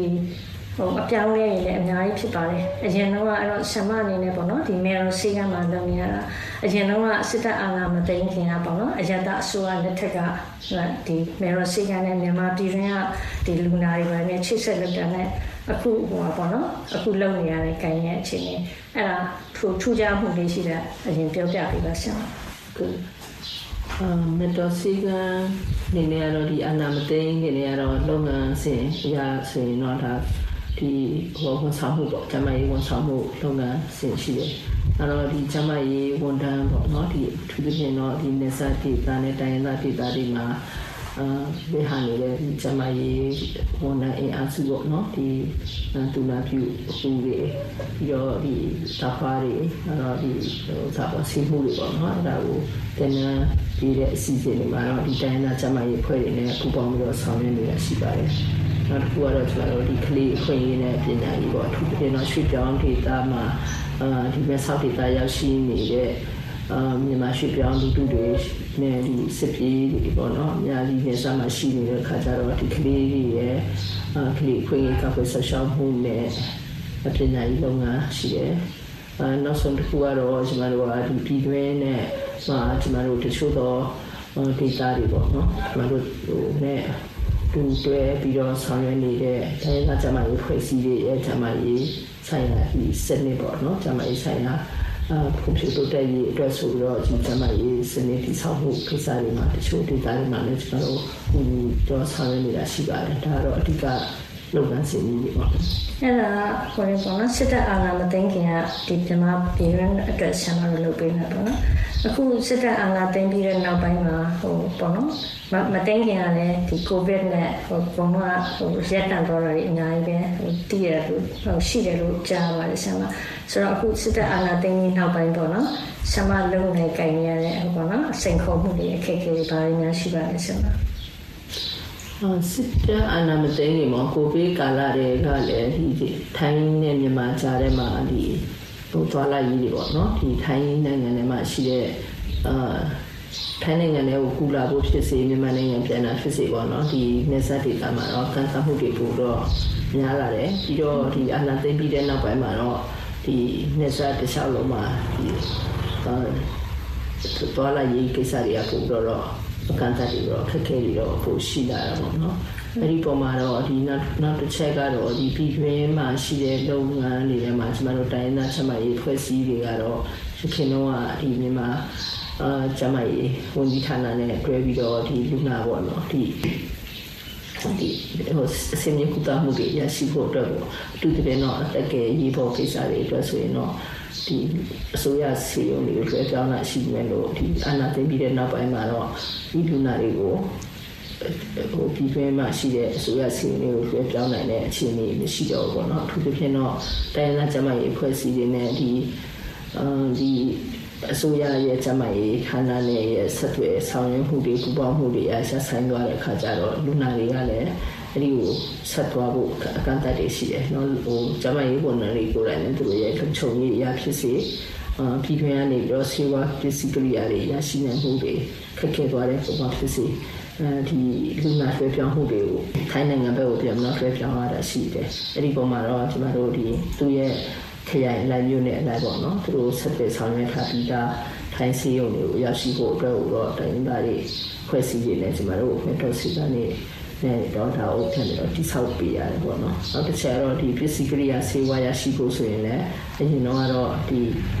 ရန်ကုန်ကနေပြီးတော့ပြစင်ပေါ့နော်ဒီ laser data တွေကိုဆေးဝါးဖြန့်ဖြူးနိုင်တဲ့စနစ်တွေပြီးဆောက်ထားမှလို့အဲ့ဒီအနေအထားတွေမရှိတော့တဲ့အခါကျတော့ကျွန်တော်တို့ကဒီ laser ဖြတ်ကျော်တဲ့အစီအမံတွေလည်းဆေးဝါးပစ္စည်းကရိယာတွေကိုပြန်တော့စီမံရတာပေါ့နော်ရိခါပိုင်းတွေလည်းတချို့သော CSO တွေကတော့ဒါရိခါပိုင်းတွေဆိုတော့ ဟိုရမုံဝေရရှိမှုကိုလည်းဒီနေဆက်ကိုအခြေပြုပြီးတော့စီမံဆောင်ရွက်ရတဲ့ကိစ္စတွေနောက်ထိုင်းကျမ်းမာရေးဌာနအနေနဲ့ပို့တော့ဒီလူနာတွေကိုလွတ်ဆန်ပြအောင်ရရှိအောင်စီမံဆောင်ရတဲ့ကိစ္စတွေကလည်းပို့တော့ဟိုကျေပြန့်လာတယ်ပေါ့နော်ဟုတ်ကဲ့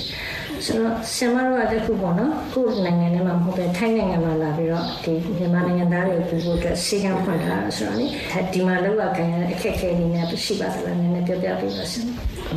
ကျမတို့နေတဲ့နေရာကကြတော့ဒီနေဆက်ပေါ့နော်နေဆက်ဆိုတာဟိုနေဆက်နဲ့5ကီလို10ကီလိုမီတာဆိုတော့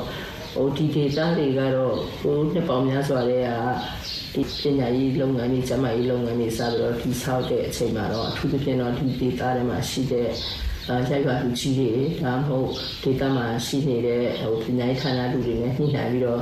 ဆောင်ရွက်သွားတာဖြစ်တဲ့အတွက်ကြောင့်တော့ဟိုပထမပိုင်းမှာလည်းကတော့ကျမတို့ဒီဟိုဒေသလိုအပ်ချက်ပေါ်မှာပူပေါင်းဆောင်ရွက်ကြတာပြုကြတာရှိပါတယ်ထိုင်းနိုင်ငံမှာတရုတ်ဝင်မှတ်ပုံတင်ထားတာမရှိတဲ့အတွက်ကြောင့်ဒီတရုတ်ဝင်မှတ်ပုံတင်ထားတဲ့ထိုင်း ထိုင်းအဖွဲ့အစည်းတွေပေါ့နော်မှတ်ပုံတင်ထားတဲ့ထိုင်းမှတ်ပုံတင်အဖွဲ့အစည်းတွေရဲ့ပံ့ပိုးမှုနဲ့ကျမတို့ဟိုလုပ်ငန်းတွေကိုအဆင်ပြေအောင်တော့စူးစမ်းပြီးညှိနှိုင်းဆောင်ရွက်ပါတယ်ထူဥပမာဖြစ်တော့ကကွယ်စီရဖို့ဆိုရင်ကျမတို့ဒီထိုင်းကျမရေးဌာနနဲ့ကျမတို့ကကွယ်စီထိုးရဲကိစ္စမှာကိုယ်ကကွယ်စီဖြစ်ဖြစ်အခုလက်ရှိဒီကလေးရဲ့ငါးနှစ်အောက်ကလေးတွေရဲ့ဒီကကွယ်စီထိုးလုပ်ငန်းတွေဖြစ်ဖြစ်ထိုင်းဆိုရရဲ့ဒီပံ့ပိုးမှုတရားဆက်ရှိပါတယ်အဲသို့တော်လည်း အစမ်းသပ်ပိုင်းကြတော့ကျမတို့ကဒီအခြေခံဆောက်ရှောက်မှုတွေပေါ့နော်ဒီဝင်မှတ်ပုံတင်ထားတာမရှိတဲ့အတွက်ကြောင့်တော့ဒီတတ်မှတ်ထားတဲ့ဆေးရုံတစ်လုံးရဲ့ဆေးရုံတစ်ခုရဲ့အခင်းကျင်းပုံစံမျိုးလဲကျမတို့ဟိုဒီဒီဆောက်ဖို့အခက်အခဲရှိပါတယ်ဥပမာဖြစ်တော့ဒီ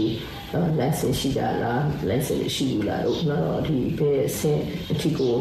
ဝန်ဆောင်မှုပေးနိုင်မလဲဆိုတာတော့ကျမတို့မှကိုလိုပြင်နိုင်ဆောင်ရတာတွေတော့ရှိအဲနောက်ဆုံးနေရုံမှာဆရာမအခုပေါ့နော် ဒီမြန်မာနိုင်ငံမှာကဟိုအခြေအနေကမကောင်းပါဘူးဆရာမဟိုလူတွေလည်းတော်တော်လေးဒုက္ခရောက်ကြပါတယ်ဆိုတော့ဒီလိုအခြေအနေမျိုးမှာဟိုအရင်တော့ဒီဒီထောက်ပံ့ကူညီတဲ့အဖွဲ့အစည်းတွေလည်းများပါတယ်ဒီအကုန်လုံးလည်းထောက်ပံ့ကူညီနိုင်ပါတယ်ဒီအခုနောက်ပိုင်းမှာပေါ့နော်ဒီကူညီထောက်ပံ့မှုတွေလည်းအကုန်လုံးရှော့တော့ပါတယ်ဒီလိုအခြေအနေမျိုးမှာပေါ့နော်မေရောစီကံရက်တင်နေအောင်နော်ဟိုဘာတွေလိုအပ်နေပါလဲဆရာမဒီအကူအညီထောက်ပံ့နဲ့ပတ်သက်ပြီး အခုဒီထောက်ပံ့ကကြတော့လေတချို့ဟိုအထူးသဖြင့်တော့ဒီအစိုးရအဖွဲ့အစည်းတွေပေါ့နော်အစိုးရ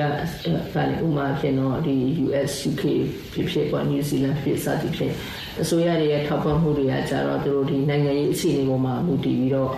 အာဟိုစားပါတော့နေစားဖြတ်ကျော်တဲ့အကူအညီတွေရရှိနိုင်တယ်လို့ဒါမှမဟုတ်ပြည်တွင်းကနေပြီးတော့လက်ခံယူမယ်ဆိုတဲ့ဒီဟိုဝါဒပြောင်းလဲမှုတွေကတော့ရှိပါတယ်အထူးသဖြင့်တော့ဒီဖြစ်ခရရဆက်ပြီးတဲ့နောက်ပိုင်းမှာ တော့ဒီလူလူဆိုရပေါ့နော်ဒီပြည်သူဆိုရ NLD ဆိုရအနာရလာတဲ့အချိန်မှာကျတော့နိုင်ငံတကာရင်ပုံငွေတွေကပြည်တွင်းကနေပြီးတော့ဒီရှိနေတဲ့အစိုးရရဲ့အာချန်တရားပေါ့နော်ပို့ပြီးတော့ကောင်းမွန်ခိုင်မာလာအောင်ဆိုတာကိုအခြေခံပြီးတော့ပြည်တွင်းရသွားတဲ့အခါမှာကျတော့ဒီနေဆက်မှာကနေပြီးတော့ဟိုရရှိနိုင်တဲ့အခွင့်အလမ်းတွေကပို့တော့ရှော့ကြသွားတယ်ပေါ့နော်နောက်ဒါကတော့ ဒီရရှိအတွက်ဖွံ့ဖြိုးတိုးတက်လုပ်ငန်းတွေနဲ့တွဲပါတာဖြစ်တဲ့အတွက်ကြောင့်ဒီနယ်စပ်ဒေသအခြေအနေကြတော့ဒါဟိုလူသားချင်းဆိုင်ရာလူသားစာနာမှုဆိုင်ရာအရေးပေါ်အခြေအနေပုံစံမျိုးလေးနဲ့ပဲရှိတော့ကျွန်တော်တို့ဒီနယ်စပ်ဒေသရဲ့ဟိုရမုံရရှိဖို့ကတော့နိုင်ငံနိုင်ငံရေးအခြေအနေနဲ့နောက်တော့ဒီလူသားချင်းစာနာထောက်ထားမှုဆိုတဲ့ခေါင်းစဉ်ကိုအခြေခံပြီးတော့အခုညီရတာတွေဖြစ်တဲ့အခါကျတော့ရရှိရှိအတွက်ကိုတော့ဟို ရရှည်ရှည်အတွက်ဆိုတာကိုနဲ့ဆိုင်ဟိုအရေးပေါ်ကာလမှာ6လဖြစ်စီတစ်နှစ်ပါဖြစ်စီပေါ့နော်အဲသို့တော်လည်းဒီတချို့တော့ဟိုအစိုးရဖွဲ့စည်းတွေဖြစ်ဖြစ်တချို့ NGO တွေကတော့ဖြစ်ဖြစ်ဒီအစိုးရနဲ့တရားမပတ်သက်တဲ့ NGO တွေတချို့ကတော့လည်းနှစ်နှစ်တို့သုံးနှစ်တို့အဲ့လိုမျိုးစီမံဆောင်ရွက်တာရှိသလိုတချို့တော့အကူအညီတွေကြတော့လည်းသူတို့သတ်မှတ်ထားတဲ့ယောဂအမျိုးအစားတို့ခေါင်းစဉ်တို့နဲ့လာတာဖြစ်တော့ဟိုကျမတို့အနေနဲ့ကြတော့ဒီဟိုခေါင်းစဉ်ကိုပဲ လက်ခံရရှိတဲ့ခေါင်းစဉ်တစ်ခုတည်းမဟုတ်ပဲねဟိုခေါင်းစဉ်ဆိုတာဥမာ HIV ဆိုရင် HIV case တဲ့လူနာအတွက်ငှက်ဖျားဆုံးငှက်ဖျားအတွက်မျိုးမဟုတ်ပဲねကျမတို့ကဟိုပြန်နာမကျမရေးဆက်ရှောက်မှုလုပ်ငန်းကိုအခြေခံပြီးတော့မရှိမဖြစ်လို့တဲ့ဝန်ဆောင်မှုတွေကိုလည်းကျမတို့ချဲ့ထွင်ရတာရှိသလိုတချို့ကလည်းဒီယောဂကာကွယ်ရေးလုပ်ငန်းတွေနဲ့လည်းတွဲလုပ်ရတာဖြစ်တဲ့အခါကျတော့ဒီလိုဆောင်ရွက်နိုင်ဖို့ကကြတော့ဒီပညာရေးခန္ဓာမှာဖြစ်စေ အာဒီကျမရေးခန္ဓာမှာဖြစ်စေပေါ့နော်ဒီလူတယောက်ချင်းစီရဲ့ပါဝင်နိုင်တဲ့ပုံမှာလည်းလည်းကျမတို့ရယူရတယ်ပေါ့နော်ဥပမာဖြစ်တော့ကျောင်းစရိတ်ဆိုရင်မိဘတွေရဲ့ထဲဝင်နိုင်မှုက25ရာခိုင်နှုန်းတော့ပုံစံပြည့်25ရာခိုင်နှုန်းရှိမလားတို့10ရာခိုင်နှုန်းတော့ရှိမလားတို့ဆိုတော့ကျောင်းလေးအားလုံးကလည်းဒီလိုပဲရုံးကပ်ပြီးတော့အတွဲချက်ပြီးတော့ဟိုတချို့လည်းဟိုအလှအလှဟိုပေါ့နော်ဒီဟို ဟိုရဲ့ဆက်ပဲဆောင်ရွက်နေတဲ့လူရှင်တွေနဲ့လက်ပါတာရှိလို့တချို့ကလည်းမိဘဆရာတင်ရဲ့ဟိုအခုပြီးတော့ဆောင်ရွက်ရတာလည်းရှိပါတယ်အာတချို့ကျမကြီးပိုင်းမှာလည်းအဲ့လိုပဲပေါ့နော်ဒီကျမတို့ကနိုင်ငံတကာအဖွဲ့အစည်းရမုံတွေကြီးပဲမဟုတ်ပဲနဲ့ဒီကိုလူနာတွေမှာဖြစ်စေအာဒီလူရှင်တွေမှာဖြစ်စေပေါ့ကိုရိုက်သူရွာသားတွေကြားထဲမှာတချို့ကဟိုထမင်းလူတယ်တို့နော်ဟိုအစားတောက်လူတယ်တို့ဆေးဝါးလူတယ်ဆိုတော့ အဖွဲ့တွေရှိသလိုဒီနားတွေကိုယ်တိုင်လည်းသူတို့ပါဝင်ထဲဝင်နိုင်တဲ့အဲပမာဏတစ်ခုပေါ်မှာပေါ့နော်သူတို့ပါဝင်ထဲဝင်ကြတာလည်းရှိတော့ဟိုနိုင်ငံတကာရမုံရလည်းအရေးကြီးပါတယ်သို့တော့လည်းကျမတို့နိုင်ငံတကာရမုံတွေနဲ့ကြီးပဲမဟုတ်ပဲနဲ့ရှိရှိပါနိုင်လို့ဆိုရင်တော့ဟိုကိုကိုယ့်ရဲ့လောက်ခလာစားထားမို့ကိုယ့်ရဲ့စီးပွားရေးအခြေအနေမှာမူတည်ပြီးတော့ပါဝင်ထဲဝင်နိုင်တဲ့ ရမုံဝင်နေလည်းကျွန်တော်တို့တချို့လည်းပတ်နေရတာရှိပါတယ်ဟုတ်ကဲ့အခုညကတော့တောင်းဆုံးကလိုလိုနေတာပေါ့နော်ဟုတ်ကဲ့ဟုတ်ကဲ့ပါဆရာဒါမဲ့ဒီလိုမျိုးတော့နော်အခက်အခဲတွေမျိုးမျိုးကြာဆရာတို့ဒီရက်တင်နေရလို့ပြီးတော့ဒီမြန်မာဒီဒီကလူတွေကိုပါမနော်ကိုကြီးပြင်းတဲ့ဒီနေဆက်ကိုထွက်ပြေးလာတဲ့ကြော်ဖြတ်ပြီးထွက်ပြေးလာတဲ့လူတွေလည်းမကောက်ဒီဘက်ကလူတွေကအခုမျိုး အများကြီးပဲအများကြီးပဲဝမ်းသာလို့ကောင်းပါလားရှင်မအခုလိုအပီကိုဖြေချပေးတဲ့အတွက်လည်းရှင်မကြီးအများကြီးကျေးဇူးတင်ပါတယ်ပြည်ပမှာနေထိုင်လို့လောက်ကန်ကြတဲ့မြန်မာနိုင်ငံသားတွေနိုင်ငံခြားငွေနဲ့ဝင်ငွေခွန်ပြန်ပြီးတော့ပေးဆောင်နေကြရပါတယ်ဒီသတင်းပတ်ရဲ့စီးပွားရေးအစီအစဉ်မှာရှင်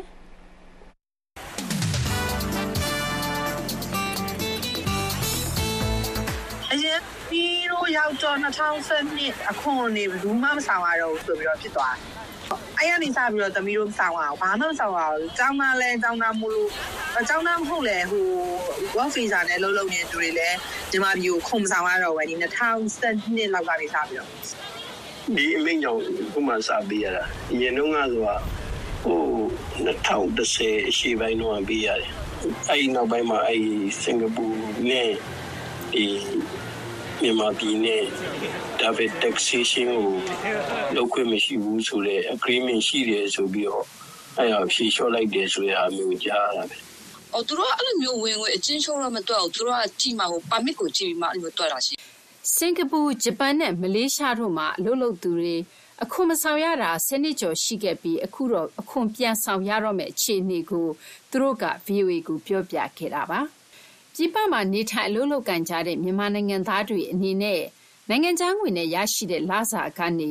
နိုင်ငံခြားငွေနဲ့ပေးဆောင်ရတဲ့ ဝင်ငွေခွန်ကို ဝင်ငွေခွန်ဥပဒေပုဒ်မ ၅ ပုဒ်မခွဲ(ခ)အရ ကင်းလွတ်ခွင့်ပြုကြောင်း ၂၀၁၁ ခုနှစ် ဒီဇင်ဘာလ ၂၁ ရက်နေ့ ရက်စွဲနဲ့ မြန်မာအစိုးရက ကြေညာခဲ့တာပါ။၂၀၁၂ ခုနှစ် ဇန်နဝါရီလ ၁ ရက်နေ့မှာ စတင်သက်ရောက်တဲ့ နိုင်ငံခြားငွေနဲ့ ဝင်ငွေခွန်ကင်းလွတ်ခွင့်ပြုမှုဟာ၂၀၂၃ခုနှစ်အောက်တိုဘာလ၁ရက်နေ့မှာတော့အဆုံးသတ်သွားပါတယ်။စစ်ကောင်စီအကြီးအကဲဗိုလ်ချုပ်မှူးကြီးမင်းအောင်လှိုင်လက်မှတ်ထိုးထုတ်ပြန်လိုက်တဲ့၂၀၂၃ခုနှစ်ပြည်ထောင်စုအခွန်အကောက်ဥပဒေကိုပြင်ဆင်တဲ့ဥပဒေမှာနိုင်ငံခြားမှာအလုပ်လုပ်သူတွေနိုင်ငံခြားငွေနဲ့အခွန်ပြန်ဆောင်ဖို့ပြဌာန်းတာဖြစ်ပါတယ်။ဒီပြင်ဆင်ချက်ဥပဒေက၂၀၂၃ခုနှစ်အောက်တိုဘာလ၁ရက်နေ့ကနေ၂၀၂၄ခုနှစ် မတ်လ31ရက်နေ့အထိအကျိုးသက်ရောက်မယ်လို့လည်းဖော်ပြထားပါတယ်။စင်ကာပူမြန်မာတန်ယုံရဲ့ထုတ်ပြန်ချက်အရတော့စင်ကာပူမှာအလုပ်လုပ်နေကြတဲ့မြန်မာတွေအခွန်ဆောင်ကြဖို့တိုက်တွန်းထားပြီးအခွန်မဆောင်ရင်တော့နိုင်ငံကူးလက်မှတ်တက်တန်းတိုးပေးမှာမဟုတ်သလိုကောင်စစ်ဆိုင်ရာလုပ်ငန်းတွေလည်းလုပ်မပေးဘူးလို့2023ခုနှစ်ဒီဇင်ဘာလ23ရက်နေ့ကကြေညာပါတယ်။စင်ကာပူမှာ Employment Pass EP ရရှိထားသူတွေကို အနည်းဆုံးလစာ စင်္ကာပူဒေါ်လာ ၃,၀၀၀ အဖြစ် သတ်မှတ်ပြီး အဲဒီက ၂ ရာခိုင်နှုန်း လစဉ် ဝင်ငွေခွန် ပေးဆောင်ဖို့ သတ်မှတ်ပါတယ်။ Permanent Resident (PR) ရရှိထားသူတွေကိုတော့ အနည်းဆုံးလစာ စင်္ကာပူဒေါ်လာ ၁,၈၀၀ သတ်မှတ်ထားပြီး Skill Pass (SP) သမားတွေကတော့ အနည်းဆုံးလစာ စင်္ကာပူဒေါ်လာ ၁,၄၀၀ နဲ့ Work Permit သမားတွေကတော့ အ ਨੇ ဆုံးလစာ စင်ကာပူဒေါ်လာ400အဖြစ် သတ်မှတ်ပြီး အဲ့ဒီရဲ့2ရာခိုင်နှုန်းကို လစဉ် ဝင်ငွေခွန်ဆောင်ဖို့ စင်ကာပူ မြန်မာတန်ယုံကထုတ်ပြန်တာ ဖြစ်ပါတယ်။ဆယ်စုနှစ်တခုကျော် အခွန်ကင်းလွတ်ခဲ့ရကနေ အခုလို အခွန်ပြန်ဆောင်ရတဲ့ အပေါ်မှာတော့ စင်ကာပူမှာ အလုပ်လုပ်နေသူတွေ ဘယ်လို သဘောထား ရှိကြပါသလဲ ကိုတိုးကျွဲကဟိုကိုယ်ဝင်ပြီးရမှာတော့ဘယ်သူမှတော့ မကြည့်နိုင်ဘူးပေါ့ ဂျပန်မှာ နေထိုင်လုံးလုံးကိုင်နေတဲ့ မြန်မာနိုင်ငံသားများရဲ့ တလဝင်ငွေဂျပန်ယန်2သိန်းနှုန်းတတ်မှတ်ပြီးဝင်ငွေကို200ခိုင်နှုန်းအရတလကိုဂျပန်ယန်4000ပေးဆောင်ဖို့တတ်မှတ်မှာဖြစ်ကြောင်းဒါပေမဲ့သက်သာခွင့်အဖြစ်ရန်2000သတ်မှတ်ပေးမှာဖြစ်တာကြောင့်လစဉ်ဝင်ငွေကုန်တလကိုရန်2000ပေးရမယ်လို့တိုကျိုမြန်မာတန်ယုံက2023ခုနှစ်ဒီဇင်ဘာလ22ရက်နေ့မှာကြေညာချက်ထုတ်ပါတယ်။ဂျပန်မှာနေပြီးတလကိုရန်2သိန်းအောက်ဝင်ငွေရသူများကတော့ အထောက်ထားနဲ့တင်ပြနိုင်ပြီးအဲ့ဒီပုံကူများကိုတော့တလပြည့်မြဝင်ငွေရန်တသိန်းခွဲနှုန်းသတ်မှတ်မှာဖြစ်ပြီးဝင်ငွေကို200ခိုင်နှုန်းစီးမြင့်အရာတလကိုရန်3000ဝင်ငွေခွန်သတ်မှတ်မှာဖြစ်ပေမဲ့သက်သာခွင့်ရန်2000ပေးမှာဖြစ်တာကြောင့်လစဉ်ဝင်ငွေခွန်အဖြစ်တလကိုရန်1000ပေးရမယ်လို့ကြေညာချက်ကဖော်ပြပါတယ်။ ဂျပန်မှာ အလုံးလုံးနေတဲ့မတ်စုကတော့ နှစ်နိုင်ငံစလုံး အခွန်ဆောင်ရမယ်ဆိုတဲ့ အခြေအနေအပေါ် အခုလို ပြောပြပါတယ်။ဂျပန်အစိုးရကို သမီးတို့ကကြတော့ဟိုဟာဝင်းငွေခွန်အပြင် တခြားဟိုကျမကြီးခွန်နေပါရရတယ်အဲ့လိုမျိုးတွေ ရှိရတယ် တလားကုန် ပေးရများတော့များဝင်းငွေပေါ် မူတည်တော့လေအဲ့တော့မှဒီမှာပြီးတော့ဆက်ပြီးတော့ပြရမယ်ဆိုလို့ရှင်တော့ ဘာမှမရှိအခုပဲကြတော့ပဲထိုင်းနိုင်ငံမှာ အလုပ်လုပ်တဲ့ မြန်မာနိုင်ငံသားများ အနေနဲ့တော့ အခြေခံလုပ်သားများကိုလစဉ်ဝင်ငွေဘတ်9500သတ်မှတ်ပြီးဝင်ငွေကို200ခိုင်နှုန်းအရတလကိုဘတ်150ပေးသွင်းကြဖို့ထိုင်းနိုင်ငံဆိုင်ရာမြန်မာတန်ယုံကကြေညာပါတယ်။ထိုင်းနိုင်ငံတွင် white collar လုပ်သားတွေအနေနဲ့တော့လစာဝင်ငွေရဲ့2ရာခိုင်နှုန်းပေးဆောင်ရမယ်လို့သတ်မှတ်ထားပေမဲ့လည်းထိုင်းနိုင်ငံမှာအခွန်ဆောင်ထားတဲ့ဆိုရင်တော့မြန်မာဘက်ကိုပေးရမယ်ဝင်ငွေကွန်တဲကနေထိုင်းမှာဆောင်ထားတဲ့အခွန်ကိုနှုတ် ကြံငွေကိုပေးရမယ်လို့ဖော်ပြပါတယ်။ထိုင်းနိုင်ငံတွင်နိုင်ငံကူးလက်မှတ်တက်တန်းတိုးတာနိုင်ငံသားလက်မှတ်လဲလှယ်တာနဲ့မြည်သူမြဝဖြစ်ကြောင်းသက်သေခံလက်မှတ် COI လျှောက်ထားမှုတွေအပါအဝင် ကောင်းစစ်ဆိုင်ရာလုပ်ငန်းတွေအတွက်အခွန်ဆောင်ထားတဲ့ထောက်ခံချက်ပြရမယ်လို့လည်းဖော်ပြထားတာပါ ဒေတာရင်းဟာ ဖိလစ်ပိုင် ကမ္ဘောဒီးယား မလေးရှား အင်ဒိုနီးရှား တောင်ကိုရီးယားတို့က မြန်မာတန်ယုံတွေကလည်း စစ်ကောင်စီရဲ့ အခွန်ဥပဒေသစ်အရ ဝင်ငွေရဲ့200ခိုင်နှုန်း အခွန်ဆောင်ရမယ်ဆိုတဲ့ ထုတ်ပြန်ချက်တွေ တင်ထားပေမဲ့လည်း ဝင်ငွေသတ်မှတ်ချက်နဲ့ ပတ်သက်လို့တော့ ထိုင်း ဂျပန်နဲ့ စင်ကာပူနိုင်ငံတို့လို ကြီးညာထားတာ မတွေ့ရပါဘူး။ အမေရိကန်ဆိုင်ရာမြန်မာတန်ယုံမှာတော့ဝင်ငွေကွန်ပြည်ဆောင်ခြင်းဆိုင်ရာအချက်လက်တွေကိုကြီးညာသွားမယ်လို့သာဖော်ပြထားတာတွေ့ရပါတယ်ရှင်။မသေးချာမြေယာမှုတွေအပြည့်အပြောင်းလဲတွေများတဲ့ကဘာကြီးမှာ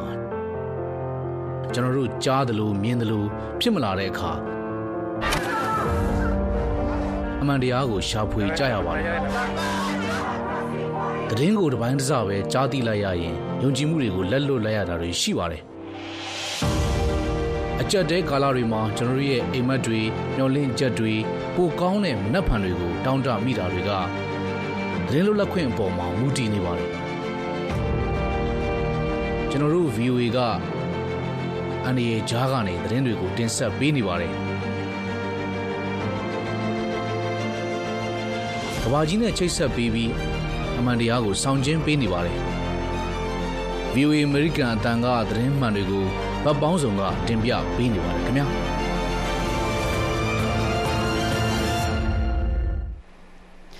လက်ရှိအခြေအနေအရအာဟာရပြည့်ဝအောင်စားနိုင်ဖို့ခက်ခဲတဲ့စစ်ဘေးဒုက္ခတွေအထူးသဖြင့်တော့ကလေးငယ်တွေအတွက်အာဟာရအလှူလုပ်ပေးနေတဲ့ Clean ရန်ကုန်အဖွဲ့ကမတ်တင်စာအေးကိုမဆုမြတ်မွန်ကမေးမြန်းပြီးလူမှုရှုခင်းအစီအစဉ်မှာတင်ပြထားပါတယ်ရှင်။မြန်မာနိုင်ငံမှာဒီမြို့တွေတန်ရှင်းတာယာလှပစီကိုရည်ရွယ်လှုပ်ဆောင်ခဲ့တဲ့ကလေးညံကောင်အဖွဲ့ဟာ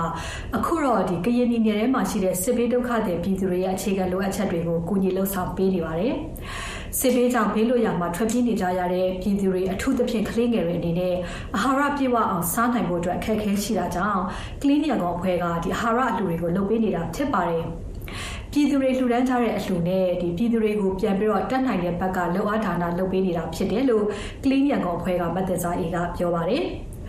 ရင်ပြည်နယ်ထဲမှာရှိတဲ့စစ်ပေးရှောင်စခန်း100ကျော်မှာဒီအာဟာရအလှူနေ့တိုင်းလုပ်ပေးနေတဲ့မတ်တင်စာအေးနဲ့မြင်မြန်ထားပါတယ်ရှင်။အဲဒီမှာတို့ကလင်းရန်ကုန်အနေနဲ့ကကြတော့အခုစစ်ပေးရှောင်သွေးချင်းတွေကပြောရမယ်ဆိုလို့ရှိရင်စစ်ရှောင်လာတဲ့အခါမှာသူတို့ကအဝတ်တထည်ကိုလူနဲ့လာကြရတယ်။အဲ့တော့သူတို့ရဲ့ဒီပြောရမယ်ဆိုလို့ရှိရင်စီးပွားရေးအကုန်လုံးပေါ့နော်လက်လွတ်ခဲ့ရတယ်ပေါ့နော်။ပိုင်ဆိုင်မှုတွေလက်လွတ်ပြီးလာတဲ့အခါကျတော့သူတို့ကအလောက်ကင်မရှိဘူးဝင်ငွေမရှိဘူးဝင်ငွေမရှိတဲ့အခါကျတော့ဒီဘက်တော်တဲ့တောင်ထဲမှာကကလေးလူကြီးကစားလို့ရှိရင်အသီးရွက်တွေပေါ့နော်ဥမာဖယုံရွက်ဖယုံမျိုးအဲ့လိုမျိုးတွေခူးစားရတယ်တော်တော်များများကအသားဟင်းစားဖို့ဆိုတာတို့အတွက်အရန်ဝေးခဲ့တယ်ပေါ့နော်ဝေးခဲ့တော့ညီမတို့ကပြန်စဉ်းစားကြည့်တဲ့အခါမှာဒီအာဟာရဒါနာတစ်နက်ကအသားဟင်းလေးနဲ့ကောင်းကောင်းလေးစားရမယ်ဆိုလို့ရှိရင်တို့စစ်ချောင်းစကန်ပြည်သူတွေရောကလေးတွေရောပျော်ကြရပေါ့နော်ကလေးလူကြီးတွေအားလုံးပျော်ကြရနောက်တစ်ဖက်မှာကျတော့လေအာဟာရပိုင်းဆိုင်ရာပေါ့မှာညီမတို့ကအစားအုပ်စုတုံးတုံးမြတ်တအောင်ကျွေးရဆိုတော့အာဟာရပိုင်းဆိုင်ရာအရာလေဒါတို့တို့က အဲခန္ဓာကိုယ်ကျန်းမာကြံ့ခိုင်ဖို့ရောပြီးလို့ရှိရင်စိတ်သက်ပိုင်းဆိုင်ရာလေးလေအော်ငါတို့အသားဟင်းလေးနဲ့စားရပါလားဆိုတဲ့စိတ်ကလေးကြတော့သူတို့ပျော်တယ်ပေါ့နော်အဲအဲ့အတွက်ကြောင့်ညီမတို့ကတောက်လျှောက်ဒီနေ့ဒီချိန်ထိကိုအဲဒီအစစ်ကြောင်စကန်တွေမှာဟာရသနာကျွေးရလေးကိုတောက်လျှောက်ပြီးလို့နေတာဖြစ်ပါတယ်မှာဟုတ် ဟုတ်ကဲ့ဆိုညီမခုနဆောဆောရှင်းပြခဲ့တယ်လို့ပေါ့နော်ဒီအာဟာရအလူလုပ်တဲ့အခါမှာဒီအစားအသောက်ကျွေးတယ်ဆိုတာမျိုးတဲ့ကိုတကယ်ကိုဒီအာဟာရဖြစ်အောင်လို့ဟင်းတွေကိုစီစဉ်ပြီးတော့ကျွေးတဲ့အခါကျတော့အဲ့လိုမျိုးအမ်ချက်ပြုတ်ကျွေးနိုင်ဖို့အတွက်ကိုရောဘယ်လိုမျိုးစဉ်းစားစီစဉ်လဲဆိုတာလည်းရှင်းပြပါပါရှင်။ အဲပုံမှန်ဆိုလို့ရှိရင်ညီမတို့ကိုယ်တိုင်ပေါ့နော်အဲကိုယ်တိုင်ဝယ်ချမ်းတယ်ပြီးလို့ရှိရင်ကိုယ်တိုင်ပဲချက်ပြုတ်တယ်ပေါ့နော်အဲနောက်ပိုင်းမှာအဲညီမတို့စားလုပ်တဲ့အချိန်မှာတော့စစ်ကြောင်စကန်ဒဲသေးတယ်အခု2023မှာကျတော့စစ်ကြောင်စကန်တွေကရာကျော်တွေဖြစ်လာတယ်ဖြစ်လာတဲ့အခါကျတော့ညီမတို့ကအဲကိုယ်တိုင်ချက်တဲ့အခါကြီးလည်းရှိတယ်အဲစကန်တွေကိုအကူအညီတောင်းပြီးတော့အဲသူတို့အကူအညီပေးနိုင်မလားပေါ့နော်အကူအညီပေးနိုင်မလားဆိုပြီးတော့စကန်ကိုအကူအညီတောင်းပြီးချက်ခိုင်းတာမျိုးလေးရှိရပေါ့နော်ညီမတို့ကလေးမြန်ကုန်ဖွဲ့ရတင်တဲ့ဓာတ်ပုံတွေမှာဆိုလို့ရှိရင်ဒီကလေးတွေအားပါတရစားတာတွေ့ရတယ်ပေါ့လေဆိုတော့ ဟုတ်ဒီစစ်ဘေးဒုက္ခဟိုတဲ့အတွက်ပေါ့နော်စစ်ဘေးရှောင်နေရတဲ့သူတွေအတွက်အခုလိုမျိုးဒီအာဟာရ ဟိုအလှများများလုံနိုင်ဖို့အတွက်ကရောဘယ်လောက်လိုအပ်နေတယ်လို့ညီမတို့ပြောလို့ရနိုင်ပါလဲရှင်ဟုတ်လိုအပ်ပါတယ်အမဟိုတော်တော်များများအဖြစ်ကလေဒီဘက်မှာကဟိုသူတို့မှာတရေစာလဲအမရဲ့စားဖို့က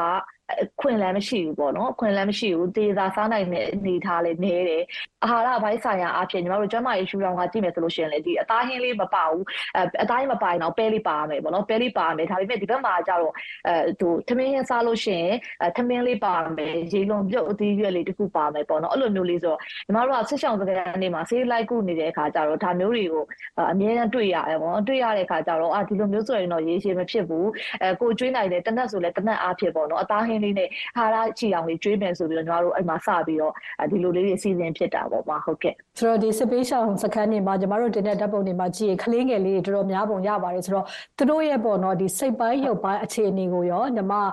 ဘယ်လိုမျိုးသုံးသပ်မိလဲကိုရာရလည်းဒီကျမကြီးအာဥစားပေါ့နော်အကူညီပေးနေတဲ့လူတယောက်အနေနဲ့ဘယ်လိုမျိုးသုံးသပ်မိပါလဲရှင့်ကလေးတွေကတော့ဗာစိတ်ပိုင်းဆိုင်ရာအဖြစ်ကအများအဖြစ်ကတော့ဟိုကလေးပေါ့အရန်ငယ်တဲ့ကလေးတွေကတော့ဒီအဲစိတ်ရှောင်လာရတယ်ဆိုတဲ့အခါထက်သူတို့ကဟိုမိဘတွေကလည်းကြောက်မှာဆိုတော့သူတို့ကချားနေရသွားလေလာအောင်ပဲဥပမာလက်ရှိလိုက်ကောဖြစ်တယ်ဆိုလိုက်ကောကလေးတွေဆိုလို့ရှိရင်ဒီဘက်လာရင်ဘယ်လာမလဲဆိုတော့ဒီဘက်နေပေကိုခဏလာလေကအမျိုးအိမ်ခဏလာပြီဒီလိုမျိုးလေးပြောတာအရန်ငယ်တဲ့ကလေးတွေကတော့တိတ်မသိဘူးဒါပေမဲ့အဲသူတို့မှဘာတော့သိလဲဆိုတော့လူကြီးကဘယ်တော့ပဲအဲ့လိုမျိုးလှည့်လှည့်ပြော air strike ကအမြဲကြီးလက်နက်ကြီးကအမြဲရှိတဲ့အခါကျတော့အဲလေးရလို့တဲ့အခါမှာမိဘတွေကဘုံဖို့ကျင်းနေဝင်ဘုံဖို့ကျင်းနေဝင်ဆိုတဲ့အချိန်မှာကလေးတွေကအာဆဆအုပ်ဆုံးချင်းတော့ဟာလေးမြန်ကြီးပေါ့နော်လေးမြန်ကြီးဆိုပြီးတော့သူက ဟိုဟိုကျမတို့ငယ်တော့ရုပ်ရှင်ကြည့်ရုပ်ရှင်ကြည့်လို့ကိုကိုတိုင်းလေးပြန်ရင်အရင်သဘောကျလို့မျိုးပထမအချိန်မှာဖြစ်ကောင်းဖြစ်နိုင်တယ်ဒါပေမဲ့နောက်ပိုင်းနေမှာသူတို့ကအာဒါဟိုကြားလာတာဒါလာလို့ရှိရင်ငါတို့ဘုတ်ဖို့ချင်းနဲ့ဝင်ရမယ်မင်းလို့ရှိရင်ငါတို့တည်မယ်ဆိုရဲဟာကိုသူတို့စိတ်ထဲမှာသူတို့ဆွဲသွားတယ်ဆွဲသွားတဲ့ခါကျလေးရင်တန်းကြားပြီးလက်သက်ကြီးတန်းထုပြီးဆိုရှင်သူတို့ကကြောက်တယ်ကလေးတော်တော်များများမှာတော့ mental trauma လေးတွေတောက်နဲ့တောက်မတူတာလေးတွေတော့တွေ့ရတယ်ပေါ့နော်အဲတိတ်တက်နားလေတဲ့အပြင်အထူးသဖြင့်ဒီနှစ်တန်းသုံးတန်းလောက်ကစပြီးကလေးတွေကကြတော့ ဒီ trauma လေးတွေကကိုယ်စီရှိတယ်။တချို့ကလေးတွေဆိုလို့ရှိရင်ညီမတို့ဒီအာဟာရသွားကျွေးတဲ့အခါမှာဆိုရင်ညီမတို့ကအငယ်လေးတွေဦးစားပေးမယ်ပေါ့နော်။အငယ်လေးတွေဦးစားပေးတယ်ငယ်စဉ်ကြီးလိုက်တန်းစီပြီးယူခိုင်းတဲ့အခါမှာအငယ်လေးတွေအငယ်လေးတွေဝင်နေတဲ့အလှည့်ပေါ့နော်။အပေါ်ကလေးနဲ့ကြားပြီးဆိုရင်အနောက်ကနည်းနည်းဟိုနှစ်တန်းသုံးတန်းကလေးလေးတွေကအာလေးနဲ့ကြားပြီးဆိုပြီးတော့သူကပြေးဝင်တယ်။တမင်လည်းမစားတော့ဘူးပေါ့နော်။ဒါမျိုးလေးတွေကဆိုသူတို့မှာအဲ trauma လေးတွေဖြစ်နေတာ။တချို့ကလေးတွေညီမတို့ တိုက်နာတွေပါရှိတယ်ရှိတဲ့အခါမျိုးကြလို့ရှိရင်တို့ကဒီတနတ်ပုံတွေဆွဲတယ်ဘာဖြစ်လို့လဲလူဆိုးကြီးတွေကိုဖြစ်ဖို့ဒါမျိုးလေးတွေကအစပေါ့နော်တို့ကကိုစီကိုစီထန်ရာတွေတော့ရှိကြတယ်မှာတောင်းနေတောင်းနေတော့မတူကြဘူးပေါ့နော်ညီမတို့ဒီကလေးတွေရဲ့ကျမရေးဒီစိတ်ပိုင်းဆိုင်ရာကျမရေးအတွက်ပါညီမဟိုဟိုလေ့ကျင့်ခန်းတွေလည်းလုပ်ပေးနေတဲ့ပုံတွေကလေးမြန်ကောင်ဟိုစမှာ social media ပေါ်မှာတွေ့ရပါတယ်ဆိုတော့အဲ့လိုမျိုးလုပ်ပေးဖြစ်တာကိုလည်းမအောင်ရှင်းပြပါလားရှင်ဒီကတော့မှညီမကို ဒီပေါ့ဒီတောင်တန်းဒေသရောက်ခါလာညီမတို့နေရာအရန်အေးတယ်ပေါ့နော်ညီမရောက်သွားတဲ့အချိန်6လပိုင်းဆိုတော့မိုးတွင်းကာလလေးဖြစ်နေတော့အရန်အေးတယ်အရန်အေးတော့ပုံမှန်လည်းဟိုလှုပ်ရှားမှုတွေညီမဟိုလုပ်နေကြပါဘူးလုပ်နေကြဆိုညီမလမ်းလျှောက်တယ်လမ်းလျှောက်တဲ့အချိန်မှာအဲညီမဒီရွာတွေကကလေးတွေပေါ့နော်စစ်ဆောင်ကလေးတွေကသူကလိုက်ကြည့်တယ်ဘာမှမသိတော့အနောက်ကအဲညီမလိုက်ခဲ့ဆိုတော့အချိန်မှာသူကဗမာစကားနားမလဲနားမလဲတဲ့ခါကျတော့ဘာမသိဘူးပေါ့အနောက်ကနေလိုက်လာတယ်လိုက်လာတော့ညီမကလည်းအဲချစ်တော့ အေးလိုက်ခဲ့ပေါ့ဆရာမစီလိုက်ခဲ့ပေါ့ဆိုလိုက်ခဲ့လိုက်ခဲ့ပြီးတော့အပြက်ညီမနဲ့တူတူရွာတစ်ပတ်လမ်းလျှောက်တယ်ရွာတစ်ပတ်လမ်းလျှောက်ပြီးတော့ညီမချစ်တော့မုတ်ကြွေရပေါ့နော်မုတ်ကြွေရမုတ်ကြွေပြီးတော့နောက်နေ့မနေ့လဲကြာတော့ညီမ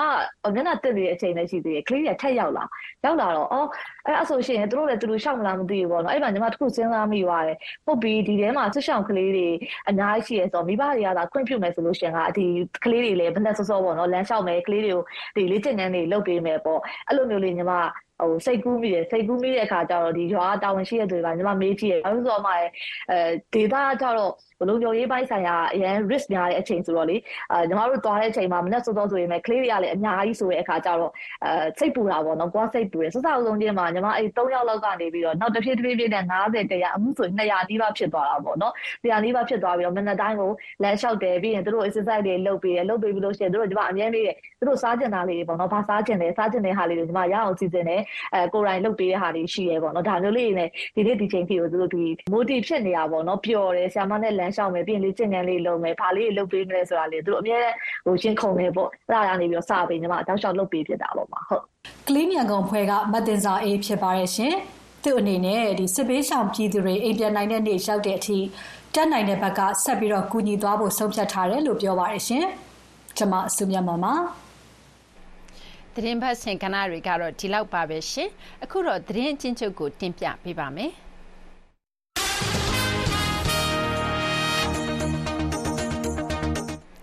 ဂါဇာစစ်ပွဲလူသားချင်းစာနာထောက်ထားရေးအကြက်တဲတွေနဲ့ပတ်သက်ပြီးအာရအဖွဲ့ချုပ်ရဲ့ရေးပေါ်စေဝေးကိုအီဂျစ်နိုင်ငံခိုင်ရိုမြို့တော်မှာတနင်္လာနေ့ကကျင်းပခဲ့ပါတယ်။အပြစ်ခတ်ရက်စဲဖို့နဲ့လူသားချင်းစာနာထောက်ထားရေးအကူအညီတွေပေးနိုင်ဖို့အတွက်နိုင်ငံတကာအတိုင်းအဝိုင်းကပို့ပြီးတော့ဖိအားပေးကြဖို့အစည်းအဝေးသဘာပတိ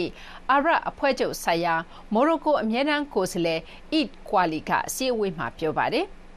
အပြည့်အခတ်ရက်စဲရေးထက်ညော့နေတဲ့ဘာအဆိုပြုချက်ကိုမှလက်မခံနိုင်ဘူးလို့ပါလက်စတိုင်းအာဏာပိုင်အဖွဲ့နိုင်ငံခြားရေးဝန်ကြီးကတနင်္လာနေ့မှာပြောဆိုလိုက်ပါတယ်။ဥရောပသမဂ္ဂ EU ကဖိတ်ကြားထားတဲ့အစည်းအဝေးကိုတက်ရောက်ဖို့ဘရပ်ဆဲမြို့တော်ကိုရောက်ရှိလာတဲ့အခါမှာမစ္စတာရီယတ်အယ်မာလီကီကအခုလိုပြောဆိုတာဖြစ်ပါတယ်။မြန်မာစစ်ကောင်စီနဲ့ညီနောင်မဟာမိတ်သုံးဘွယ်ကြားဇန်နဝါရီလ17ရက်နေ့ ကတည်းကစစ်ရက်စဲဖို့သဘောတူထားတယ်ဆိုပေမဲ့စစ်ကောင်စီဘက်ကဒီသဘောတူညီချက်ကိုအချင်းချင်းချွတ်ဖောက်ပြီး TNLA တောင်ပလောင်ထင်းချုပ်ဒေသတွေကိုထိုးစစ်ဆင်တာလက်နက်ကြီးနဲ့ပစ်ခတ်တာလေကြောင်းတိုက်ခိုက်တာတွေလုပ်နေတယ်လို့ TNLA ကထုတ်ပြန်ထားပါတယ်ရှင်။ နောက်ဆုံးရသတင်းချင်းချုပ်ကတော့ဒီလောက်ပါပဲရှင်ဒီမနေ့ခင်းအတွက်အစီအစဉ်ထုတ်လွှင့်ရမှုကနန်းလောင်ဖြစ်ပါတယ်ညပိုင်း9နာရီကနေ10နာရီထိထုတ်လွှင့်မဲ့ရေဒီယိုရုပ်သံအစီအစဉ်ကိုတော့လိုင်းဒိုမီတာ1925 30နှစ်တို့ကနေဖမ်းယူနာဆင်နိုင်ကြပါတယ်ရှင်တောတာရှင်များနဲ့တကွမြန်မာပြည်သူပြည်သားအလုံးကိုရောစိတ်ပါရှင်လန်းချမ်းမြေ့ကြပါစေရှင်ကျမတင်ကြီးထိုက်ပါ thank you